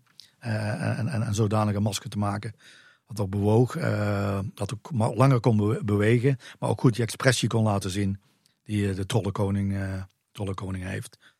En in het masker zitten eigenlijk uh, roestvrij stalen inserts die gewoon in, het, in, de, in de techniek ingeklikt worden. Ik zeg dat heel simpel, maar die interface is best, is best wel lastig natuurlijk. En dan uh, aangestuurd wordt door een, door een, door een, uh, een programma. Dus de, de Trollenkoning is gewoon wel helemaal vrij programmeerbaar. daar kun je dus eigenlijk alles mee programmeren. Er zitten geen nokkenschijven in of onder. Nee. er zit wel een hele kelder onder, waar die besturingskasten staan. Met een trappetje helemaal naar beneden toe. Ja, en, en, en die ontwikkeling, ja, dat was natuurlijk ook. De ontwikkeling op zich was een prototype, dat, dat, maar dat werd wel allemaal getekend. En al die, die onderdelen van, uh, van, van het hoofd werd ook allemaal uit aluminium uitgevreesd.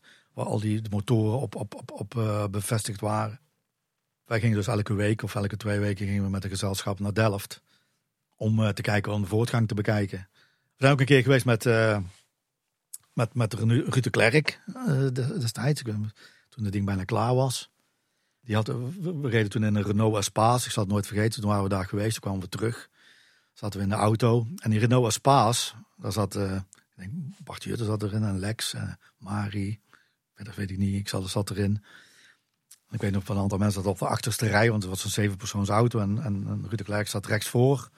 En daar zat de draaistoel in, dus hij, tijdens de rit uh, van Delft terug naar de Efteling, draaide hij zijn stoel om.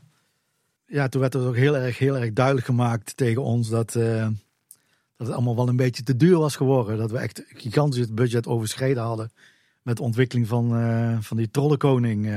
Ja, op een gegeven moment ben je natuurlijk op een punt, moet je door. Hè, moet het gewoon er komen, maar het was wel een budgetoverschrijding. Ik kan er nog dit van zeggen, dat, dat toen ik bij de Efteling kwam werken, toen werden natuurlijk attracties redelijk laat gekocht. En dan moest er een, een budget vastgesteld worden. Maar ja, uh, er was nog meestal nog geen ontwerp of een half ontwerp of heel weinig inf informatie. Er werd dan een ride-systeem gekocht, maar dan de rest wat er omheen moest, dat moest dan er nog, eigenlijk nog verzonnen worden.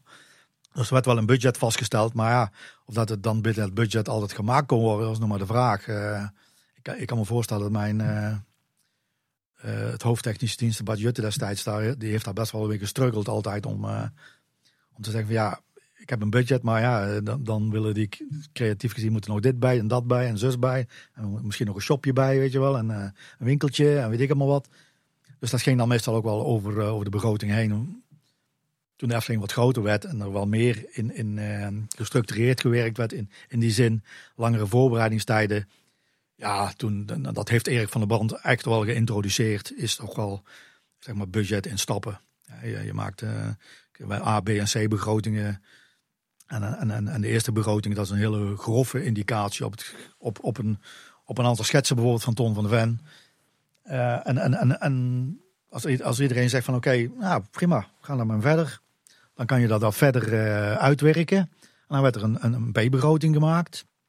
En zo ging je op uiterlijk tot een, uh, tot een C-begroting, of, of een uiteindelijke, meer gedetailleerde begroting. En gezegd van oké, okay, dit zit erin.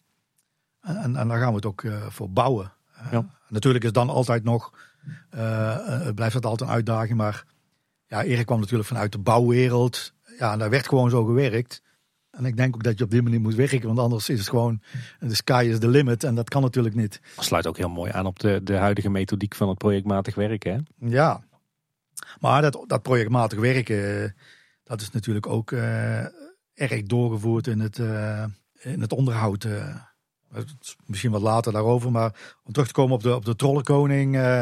Ik heb destijds ook nog dat, dat, dat, dat uurwerkmechanisme, zeg maar, met, met die wijzer. want ja, dat is dus een ding wat de gasten zelf kunnen aanraken. Zelf een sterk beeld kunnen kiezen.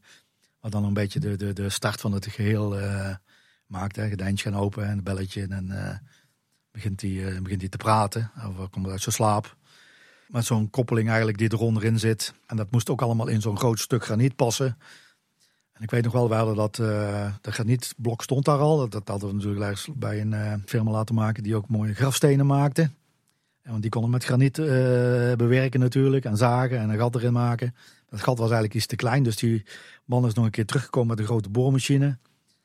En die, moest dat, dat gat eigenlijk ruimer maken. Maar toen stond die steen al voor de trollenkoningboom.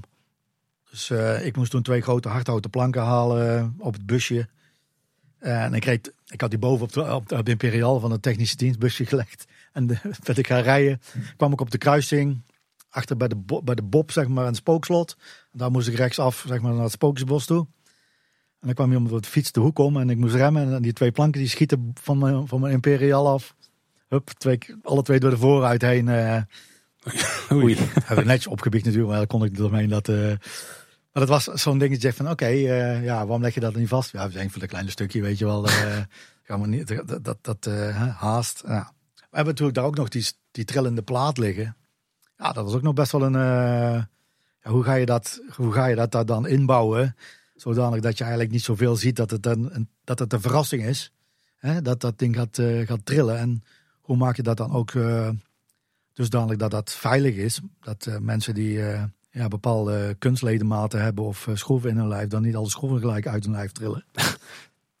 Want ja, het is toch een trilmechanisme. het is eigenlijk een apparaat wat verbruikt wordt in de, in de industrie, bijvoorbeeld in de verpakkingsindustrie. Als je van die, van die, van die Tempex chips hebt in een doos, dan, dan, dan laat je dat trillen en dan verdicht, die, dat. En dan krijg je dat goed opgesloten. Maar bijvoorbeeld ook bij je betonelementen stort, dan, maar heb je van die hele grote trilplaten om, zeg maar, om dat te verdichten. Eh, omdat dat niet meer op een andere manier, eh, manier kan. Daar komt die techniek eigenlijk vandaan. Het is eigenlijk gewoon een excentretje wat daaronder zit. Een jaar later opende Monsieur Cannibal. Inmiddels is de attractie, althans het thema verdwenen uit het park. Het heet nu eh, Sirocco. Dat was denk ik redelijk van de plank afgekocht product, toch? Ja, dat is een standaard attractie van, van, van MAC. hè. Kopjes koffiemolen of eh cafétassen. eh. Zoiets, ja. Zoiets altijd ja, dus, eh, ja dat, dat, is- dat is een standaard. eh, ik heb ze zelfs nu nog, we hebben ze zelfs nu nog in de parken. in de Lego parken komen ze zelfs naar voor. Dus zo, zo lang bestaat dat product eigenlijk ook al. Ook, ook niet zo moeilijk eigenlijk. Eh, voor technisch dienst is het natuurlijk altijd zo als je eh, techniek onder een schijf hebt zitten, wil je er eigenlijk wel makkelijk bij kunnen. Dus zo'n put, zo'n zo'n put eh, onder, het- onder de baan, onder zo'n attractie, die is eigenlijk nooit eh, hoog genoeg. En eigenlijk, eigenlijk was die ook te laag. Hè? Want je moet er eigenlijk helemaal krom onder, eh, onder als je iets wil doen en inspecteren. Dat is natuurlijk altijd zo bij technische diensten. Je moet er elke dag, moet je daaronder en moet je daar een inspectie, inspectie uitvoeren van de techniek. Dus ja, als het dan, dat maakt het wel uit of het 20 centimeter dieper is of niet. Die kookpotten, zeg maar, die er bovenop stonden. In eerste instantie was die attractie dus niet overdekt. Ja, met, met het klimaat in Nederland, met regen en dergelijke, was dat dus best wel een probleem. Want dan ging dus ja, die aandrijfwielen, een aantal van die steunwielen waren dus aandrijfwielen, die gingen dan gewoon slippen. En dan kwam die, die, eh, ja, kwam die dus niet op gang. Dan ging dat ook veel veel lawaai maken. Van die wieltjes die dan slipten over de baan. En je kunt dat dan weer wel instrooien met een uh, dinges, maar dan gingen de wielen weer heel hard slijten als het droog was. Dus om daar een compromis tussen te vinden, daar hebben ze er een dak overheen eh, gebouwd. Ja, volgens mij was dat na de eerste of de tweede winter Efteling. Toen zijn ze er natuurlijk achtergekomen dat die attractie niet eh, operationeel kon zijn in de winter vanwege de Ja, kou ja. En, eh, en vocht en sneeuw. Ja, dat zal wel wat meer dingen gebeurd zijn, denk ik. eh, als je van een seizoensbedrijf naar een jaar rondbedrijf gaat. Ja. Dan moet je attracties soms ook daarvoor geschikt maken. Want je, je aanbod van je attractie is in sommige gevallen al lastig. Met name met acht banen. Want die hebben wel. Ja, die rijden niet graag als het heel erg koud is. nou zijn onze winters niet zo heel koud meer, gelukkig. Dus eh, Hey, eind eh, 1989 veranderde jouw functie bij de Efteling. Eh, toen werd je hoofdtechnische dienst. Hoe, hoe kwam je eigenlijk in die functie terecht? ik werkte natuurlijk al een aantal jaren. En Lex Lemmers was mijn baas. Die was eh, chef technische dienst. En die eh, ging dus een andere functie in. Dus die functie kwam eigenlijk eh, beschikbaar. En eh, dat was eigenlijk een beetje een appeltje-eitje geval met, eh, met Bart Jutte destijds. eh, dat ik eh, dat ging opvolgen. Eh, en dat heb ik nog gedaan. Eh, ja, de technische dienst ja, die bestond eigenlijk, eigenlijk alleen maar uit uitvoerende mensen op dat moment. Hè, je had wel een aantal uitvoerende elektro, eh, elektronica mensen, mechanica, monteurs. eh, met, met, met, met een chef werkplaats, zoals dat heette. Of baas noemden ze destijds, geloof ik nog zo. En er zat ook heel weinig eh, ondersteuning in. En natuurlijk, je kreeg steeds meer attracties erbij, steeds meer onderhoud. En, en destijds werd heel veel, met alle respect, eh, toch een beetje uit de losse pols eh, georganiseerd en geregeld in het onderhoud. Er werd zo'n beetje een inventarisatie gedaan. eh, bij de bouwkundedienst bijvoorbeeld eh, werd er toch gewoon eh, rondgegaan en zeggen: Oh, dan moeten we dit schilderen dit jaar en dit schilderen dit jaar. eh. We zeggen van oké, we gaan dit uit elkaar halen. Hier moeten we dit gaan vervangen. Best al wisten ze natuurlijk wel. In eerste instantie was het natuurlijk alleen maar posttechniek. Maar ja, als je achtbanen krijgt, die moet je de treinen moet je uit elkaar halen. Dan moet je ja, onderzoek naar doen, inspecties uitvoeren. Je moet, moet uh, onderdelen opmeten. Of ze nog aan de maat voldoen. Je moet lagers vervangen. Ja, NDT, niet, niet destructief onderzoek uitvoeren. Kijken of er geen vermoeidheidsscheurtjes in zitten. Geen scheurtjes in de lassen zitten. En, en, in de beginfase bijvoorbeeld was dat zo van, net als bij de Python, uh, ja, dan haal je die assen, assen uit de trein. En dan had Vekoma daar een apparaat bij geleverd met zo'n soort inductiespoel. En dan kon je dat met een contrast en met, met zo'n vloeistof kon je zien of dat er, of dat er oppervlaktescheurtjes zaten. Dat is een voorbeeld wat ik altijd noem, nog steeds. Is toen hadden we monteurs en, die, en hadden we die as en dan gingen ze, gingen ze kijken en zeggen ze, ja, ja maar dat is, dat is een scheurtje. Nee, dat is gewoon een krasje. Nee, nee, nee, is echt een, eh, echt een scheurtje. En toen was het eigenlijk een moment dat we zeggen van ja, dat, gaan we niet meer zelf doen. We gaan niet zelf uh, scheuronderzoek doen, hè, NDT, uh, eh, niet onderzoek doen. Uh, als we niet weten waar we mee bezig zijn. En dat we kunnen, goed kunnen interpreteren wat, wat, er, wat we zien. Dat hebben we toen destijds ook vrij snel uitbesteed aan, aan een bedrijf die dat die daar dus in gespecialiseerd was. Dat was de, de röntgentechnische dienst. Staat volgens mij helemaal niet meer tegenwoordig. Was een binnen de Efteling een afdeling? Nee, nee, nee, de röntgentechnische dienst dat was oh, eigenlijk een, een instelling die, uh, die, die veel NDT deelt in het land bij, uh, in, ah, in, de chemie. Uh, pijpleidingen, scheurtjes uh, onderzoeken doen. we hebben toen destijds ook nog zijn we samenwerking aangegaan met een inspectiebedrijf. Wat heel veel in de, in de petrochemie in die branche werkte. Dat was Inter Inspections. En dat was eigenlijk binnen de attractieparkenwereld ook wel een ontwikkeling die helemaal nieuw was. Ik loop nu een beetje vooruit op mijn uh, chef technische dienst gebeuren. Maar dat, dat, dat we eigenlijk een, een, een onafhankelijk bedrijf hadden die ook nog een inspectie kwam verrichten in het park. Maar uh, met name richtte hij zich toch wel op, op uh, ja, risico's, kritische onderdelen van, van bepaalde attracties. Uh, waar je zegt, ja, als dit kapot gaat, dan, uh, dan hebben we echt wel een probleem. Want dan gaat er echt, echt iets kapot. En dan, dan gaat er iets met die trein of met die attractie gebeuren wat wij niet willen. Of wat inderdaad ja, een heel hoog risico of een heel hoog en een hoog effect met zich meebrengt. omdat er natuurlijk wel mensen, mensen in die attracties zitten. En zij hebben, dus, zij hebben dus, dus destijds ook een aantal attracties gewoon geïnspecteerd met hun kennis en kunde die ze gebruikten in, in andere industrieën. Kwamen daar nog spannende dingen uit? Nou, die spannende dingen niet, maar wel uh, dingen waar je zegt van daar moet je eens op gaan letten. Daar moet je toch wel eens wat meer uh, onderzoek naar gaan doen. Destijds was het ook zo dat bij de, zelfs bij de, bij de fabrikanten van attracties, dat natuurlijk ook allemaal een beetje in de kinderschoenen stond, dat hele, dat hele gebeuren. Uh, en het onderhoud. En, en, en je kreeg dan wel wat, een, een manual zeg maar, waar wel wat in stond, maar het NDT gebeuren in sommige attractiebouwers hadden er helemaal nog niks aan gedaan. Nee. En ook geen risico-inventarisaties doen aan attracties en dergelijke. Tegenwoordig is dat uh, ja, met alle, alle standaards en normen die je hebt, uh, ja, is dat ondenkbaar. Maar dat, dat is nu wel vanuit productie. Als je nu een attractie laat bouwen, dan, dan worden de achtbaan, treinen en alle onderdelen worden al onderzocht, zeg maar in de fabriek. De hele de achtbaan trek zelfs steeksproefsgewijs. Maar dat is daar heel veel, heel veel in, uh, in, in veranderd. Ja, ja en, en, ik kan me ook voorstellen dat dat uh, niet destructief onderzoek naar, uh, naar haarscheurtjes en dergelijke, bijvoorbeeld bij Lassen, dat dat nu ook weer samenhangt met de, de keuring en de certificering van attracties. Ja, nou, ik, tegenwoordig is het zo dat uh, je hebt natuurlijk een, een aantal keuringsinstanties in, in Nederland. Hè, aangewezen inspectieorganisaties.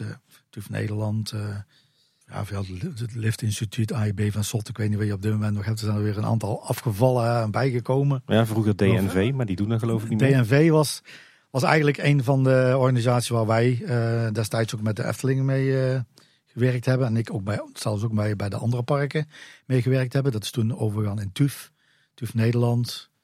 En TUF komt natuurlijk uit Duitsland uh, als, als een hele grote organisatie. Wat overigens geen overheidsinstelling is. Iedereen denkt wel TUF, dat is Duitse overheidsinstelling. Dat zijn gewoon commerciële instanties die, eh, die die service aanbieden voor eh, inspecties. Of, eh, ja, of NDT bijvoorbeeld. maar ze zijn in ieder geval onafhankelijk. Dus het is niet dat, dat je als slager je eigen vlees keurt. En die, en die aangewezen keuringsinstanties, die zijn dus gecertificeerd door de overheid. Middels, ja, onder de Voedsel- en Warenautoriteit vallen die eigenlijk. Het zijn gewoon commerciële instanties, dus je kunt kiezen welke je wil nemen. Je moet dan jaarlijks, zeg maar, die attracties eh, laten certificeren. En als je dat certificaat niet hebt, mag je in principe niet exploiteren. Ik denk eh, dat dat een hele goede Ja, dan moet je eh, dus aan, is. ja, dan moet je dus kunnen aantonen dat je, dat, je- dat je al dat alles wat voorgeschreven wordt, in ieder geval door de, door de leverancier aan, eh, aan inspecties en, en eh, onderzoeken, dat je dat gedaan hebt. Maar een keuringsinstantie wordt ook gebruikt voor een eerste in bedrijfname van een eh, attractie. Hè. Ze, tegenwoordig gaat de keuringsinstantie, die gaat alle berekeningen, alle ontwerpen van de, van de, van de leverancier, eh, van de fabrikant, eh, gaan die controleren. En daar komt een rapport uit en dan kunnen ze nog aanbevelingen doen om extra onderhoud of inspecties uit te voeren tijdens het operationele levensduur van zo'n van zo'n attractie. En natuurlijk aanbevelingen doen van als de attractie ouder wordt, om, eh, om- soms is het dan nood- noodzakelijk om nog meer te doen. Die attracties worden berekend op, eh, ja, in de techniek noemen ze dat natuurlijk het aantal wisselingen, belastingswisselingen. Ik noem het altijd maar eventjes van eh, een simpele voorbeeld van als je een paperclip neemt. Mensen hebben tegenwoordig niet voor papier, dus paperclip. Hè, en je gaat dat, die paperclip buigen. En op een gegeven moment breekt die. Nou, dat is eigenlijk een soort vermoeiingsverschijnsel. Hè, en, metaal, ja, als dat vermoeid raakt, dan gaat het, eh, gaat het scheuren. En, natuurlijk zie je dat in eerste instantie altijd bij lassen. Ja, bij lassen is het materiaalstructuur is daar veranderd omdat je daar hitte in brengt. Eh, en je twee materialen met een toevoeging aan elkaar last. En als je dat niet goed doet, ja, dan, nou, dan kun je daar problemen krijgen eh, in die hitte-effectzone, zoals, dat, zoals we dat noemen. Dus lassen, ja, die zijn altijd, die staan altijd bovenaan als het gaat over niet-destructief onderzoek. Vandaar dat ook sommige leveranciers eh, overgegaan zijn bij treinen, bij achtbaantreinen, om eh, zeg maar de, de, de wheelcarriers, waar de wielen van de achtbaantrein aan zitten, om die helemaal uit één stuk metaal eh, te bewerken. En dan heb je dus helemaal geen eh, geen lassen meer. Volgens mij hebben we dat bij Mac ook bij de Max van Morris trein hebben gezien, toch? Ja. Ja, ik denk, ja, Vekoma doet dat, Mac doet dat, eh M&M doet dat bijvoorbeeld. eh, als, ze, als ze het kunnen vermijden. Kijk, een frame van een achtbaantrein, ja, dat zie je altijd nog wel dat daar, dat daar aan gelast wordt. Maar bijvoorbeeld de hoofdligger, die is soms ook al uit één stuk. Hoe minder lasten, hoe beter. Voor, eh, voor een levensduur van een attractie. We worden weer heel veel wijzer eh, Ja, tijdens ja, ja. interview.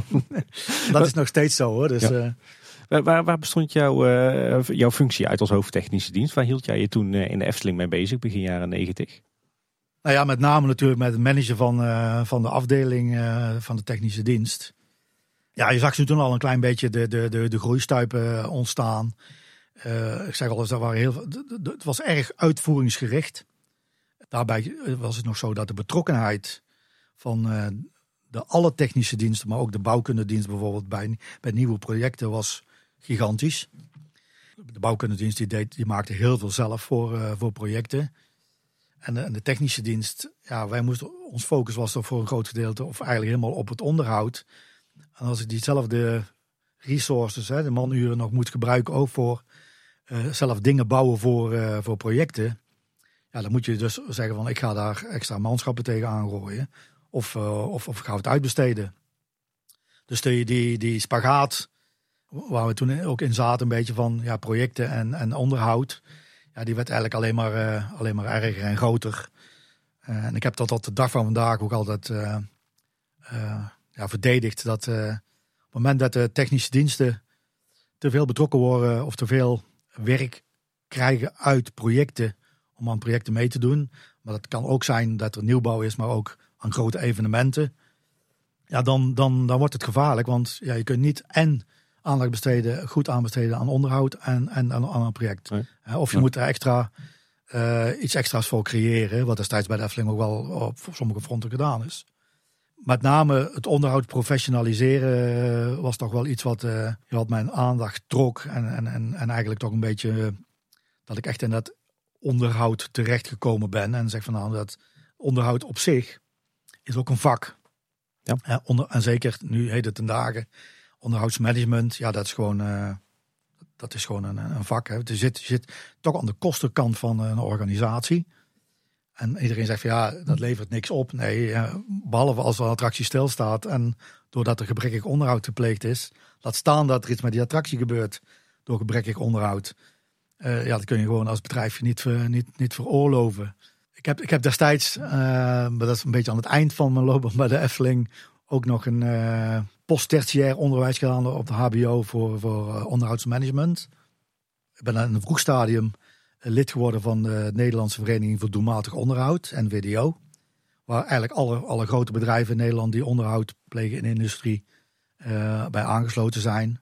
En die regelmatig bij elkaar komen, die lezingen geven, die, eh, die dingen, onderhoudszaken, eh, zeg maar, learnings, leringen eh, bespreken en, en eh, delen.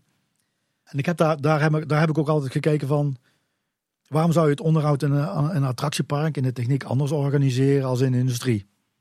Want ja, als je het afpelt, komt het gewoon op hetzelfde neer. Het is... eh, Het zijn allemaal apparaten. het zijn allemaal apparaten. Als je ze niet onderhoudt, dan eh, gaan ze of eh, kapot, waardoor je stilstand hebt. Ja, je wil dus niet hebben dat iets stilstaat. Alhoewel het bij een attractiepark daar soms wat anders tegen aangekeken wordt. En dit, dit is ook, ook, ook iets wat ik altijd vertel in, in lezingen. Is dat, ja, ik vergelijk het altijd maar als je naar, eh, naar een supermarkt gaat. Ja, en je gooit je boodschappenwagentje vol met producten. Dan kom je bij de kassa en dan betaal je eh, voor je producten. En als je dan buiten, je, buiten staat, dan kun je die producten consumeren. Als je dat met een attractiepark vergelijkt, dan zeg je: Oké, ik ga naar een attractiepark toe. Ik betaal aan de kassa. En dan moet ik mijn product nog consumeren. En dat product in een attractiepark, ja, dat is een belevenis. Hè? Die, de, de, de, ik zeg altijd: de productiemachines, dat zijn de attracties. En het product, eh, wat uit de productiemachine komt, is beleving van de mensen die in die, in die, in die attractie zitten. Voor, voor de restaurants en voor de, voor de souvenirs eh, shops is dat makkelijk. Ja, dat is gewoon een, eh, een ding wat je kan kopen en dan heb je dat. Maar voor die beleving is dat eh, iets anders. Maar je hebt natuurlijk van tevoren al betaald als je het attractiepark binnenkomt. Ja. Dus je hebt, Je hebt nog niet gezien wat je in je mandje hebt gedaan. Ja. maakt dan nou uit of die attractie dan stil komt te staan. Hè, dat is dan, eh, dan een ander verhaal. Ik, geloof dat, ik geloof dat uptime en downtime tegenwoordig toch wel eh, belangrijke begrippen zijn in de Ja, dat pretparkwereld. denk, dat denk ik ook wel natuurlijk. Want je hebt elk park meet tegenwoordig de, de, de gasttevredenheid. Dat doet iedereen. Hè, die eh, marketing die, die, die, die kijkt daar heel erg naar. Eh, als je, eh, de negatieve, eh, zeker op social media tegenwoordig. Ja, je kunt je niet meer veroorloven om, om negatieve eh, ja, gastbeleving te hebben. En, en dat krijg je natuurlijk ja, als attracties stil gaan staan. Maar ja, ze kunnen er nog zo mooi uitzien. Als, als het transportsysteem niet werkt, hè, ja, dan houdt alles op. Dat is geen Dat attractie natuurlijk meer. Efteling ook meegemaakt. eh, in, in, extreem, in extreme vormen zelfs. eh. Ik vind het wel mooi, Paul. Er zit eindelijk iemand bij, Kater, bij je Kleine Boodschap achter de microfoon die nog meer passie heeft voor onderhoud dan ik. Ja, ik weet niet of het nog meer is, maar in ieder geval eh, zeker op hetzelfde niveau. Nou, Tom, bedankt dat je hier hebt aan willen schuiven. We hebben deze afleveringen in twee moeten splitsen, of deze opname eigenlijk. Dus het einde van deel 1. Deel 2 komt binnenkort uit. Maar Tom, voor nu in ieder geval hartstikke bedankt dat je dit al wilde vertellen aan ons. Ja, het was een waar genoeg eh, om eh, de ervaringen met jullie en jullie luisteraars te delen. Als mensen daar online meer over jou te weten willen komen, Tom, dan kunnen ze dan het beste kijken. Nou, ik denk op LinkedIn, eh, daar staat wel het een en het ander op. Het is niet zo dat het altijd actueel is, maar eh, meestal staat daar wel, eh, wel op. En er is ook nog een mooi lem op ftpedia.nl. Die zal misschien nog wel wat uitgebreid worden na dit eh, interview. Is meestal wel het geval, ja. Hebben jullie als luisteraars ook nog vragen voor ons, dan kun je die eh, op social media kwijt. Als je naar kleineboodschap.com slash volgen gaat, dan vind je alle plekken waar wij te volgen zijn en waar je dus vragen kunt stellen. Ja, en kleineboodschap.com is natuurlijk ook onze website. Daar vind je daarnaast eh, ons contactformulier. Daar eh, kan je een berichtje voor ons achterlaten. En je vindt er ook alle ja, omstreeks 250 afleveringen terug met show notes, de relevante linkjes. Dus eh, ga daar zeker even kijken. En als je ons in de podcast hebt, vergeet je dan zeker niet te abonneren. En kun je een reviewtje achterlaten, dan eh, kunnen we het ook altijd heel erg waarderen. Ja, en eh, mocht je een wat langer verhaal voor ons hebben, dan eh, kun je ons ook mailen op info.kleineboodschap.com. Nou, Tom, nogmaals bedankt. Graag gedaan. En eh, luisteraars, dit was weer voor deze keer. Bedankt voor het luisteren. Tot de volgende keer en houdoe. Houdoe war. Houdoe.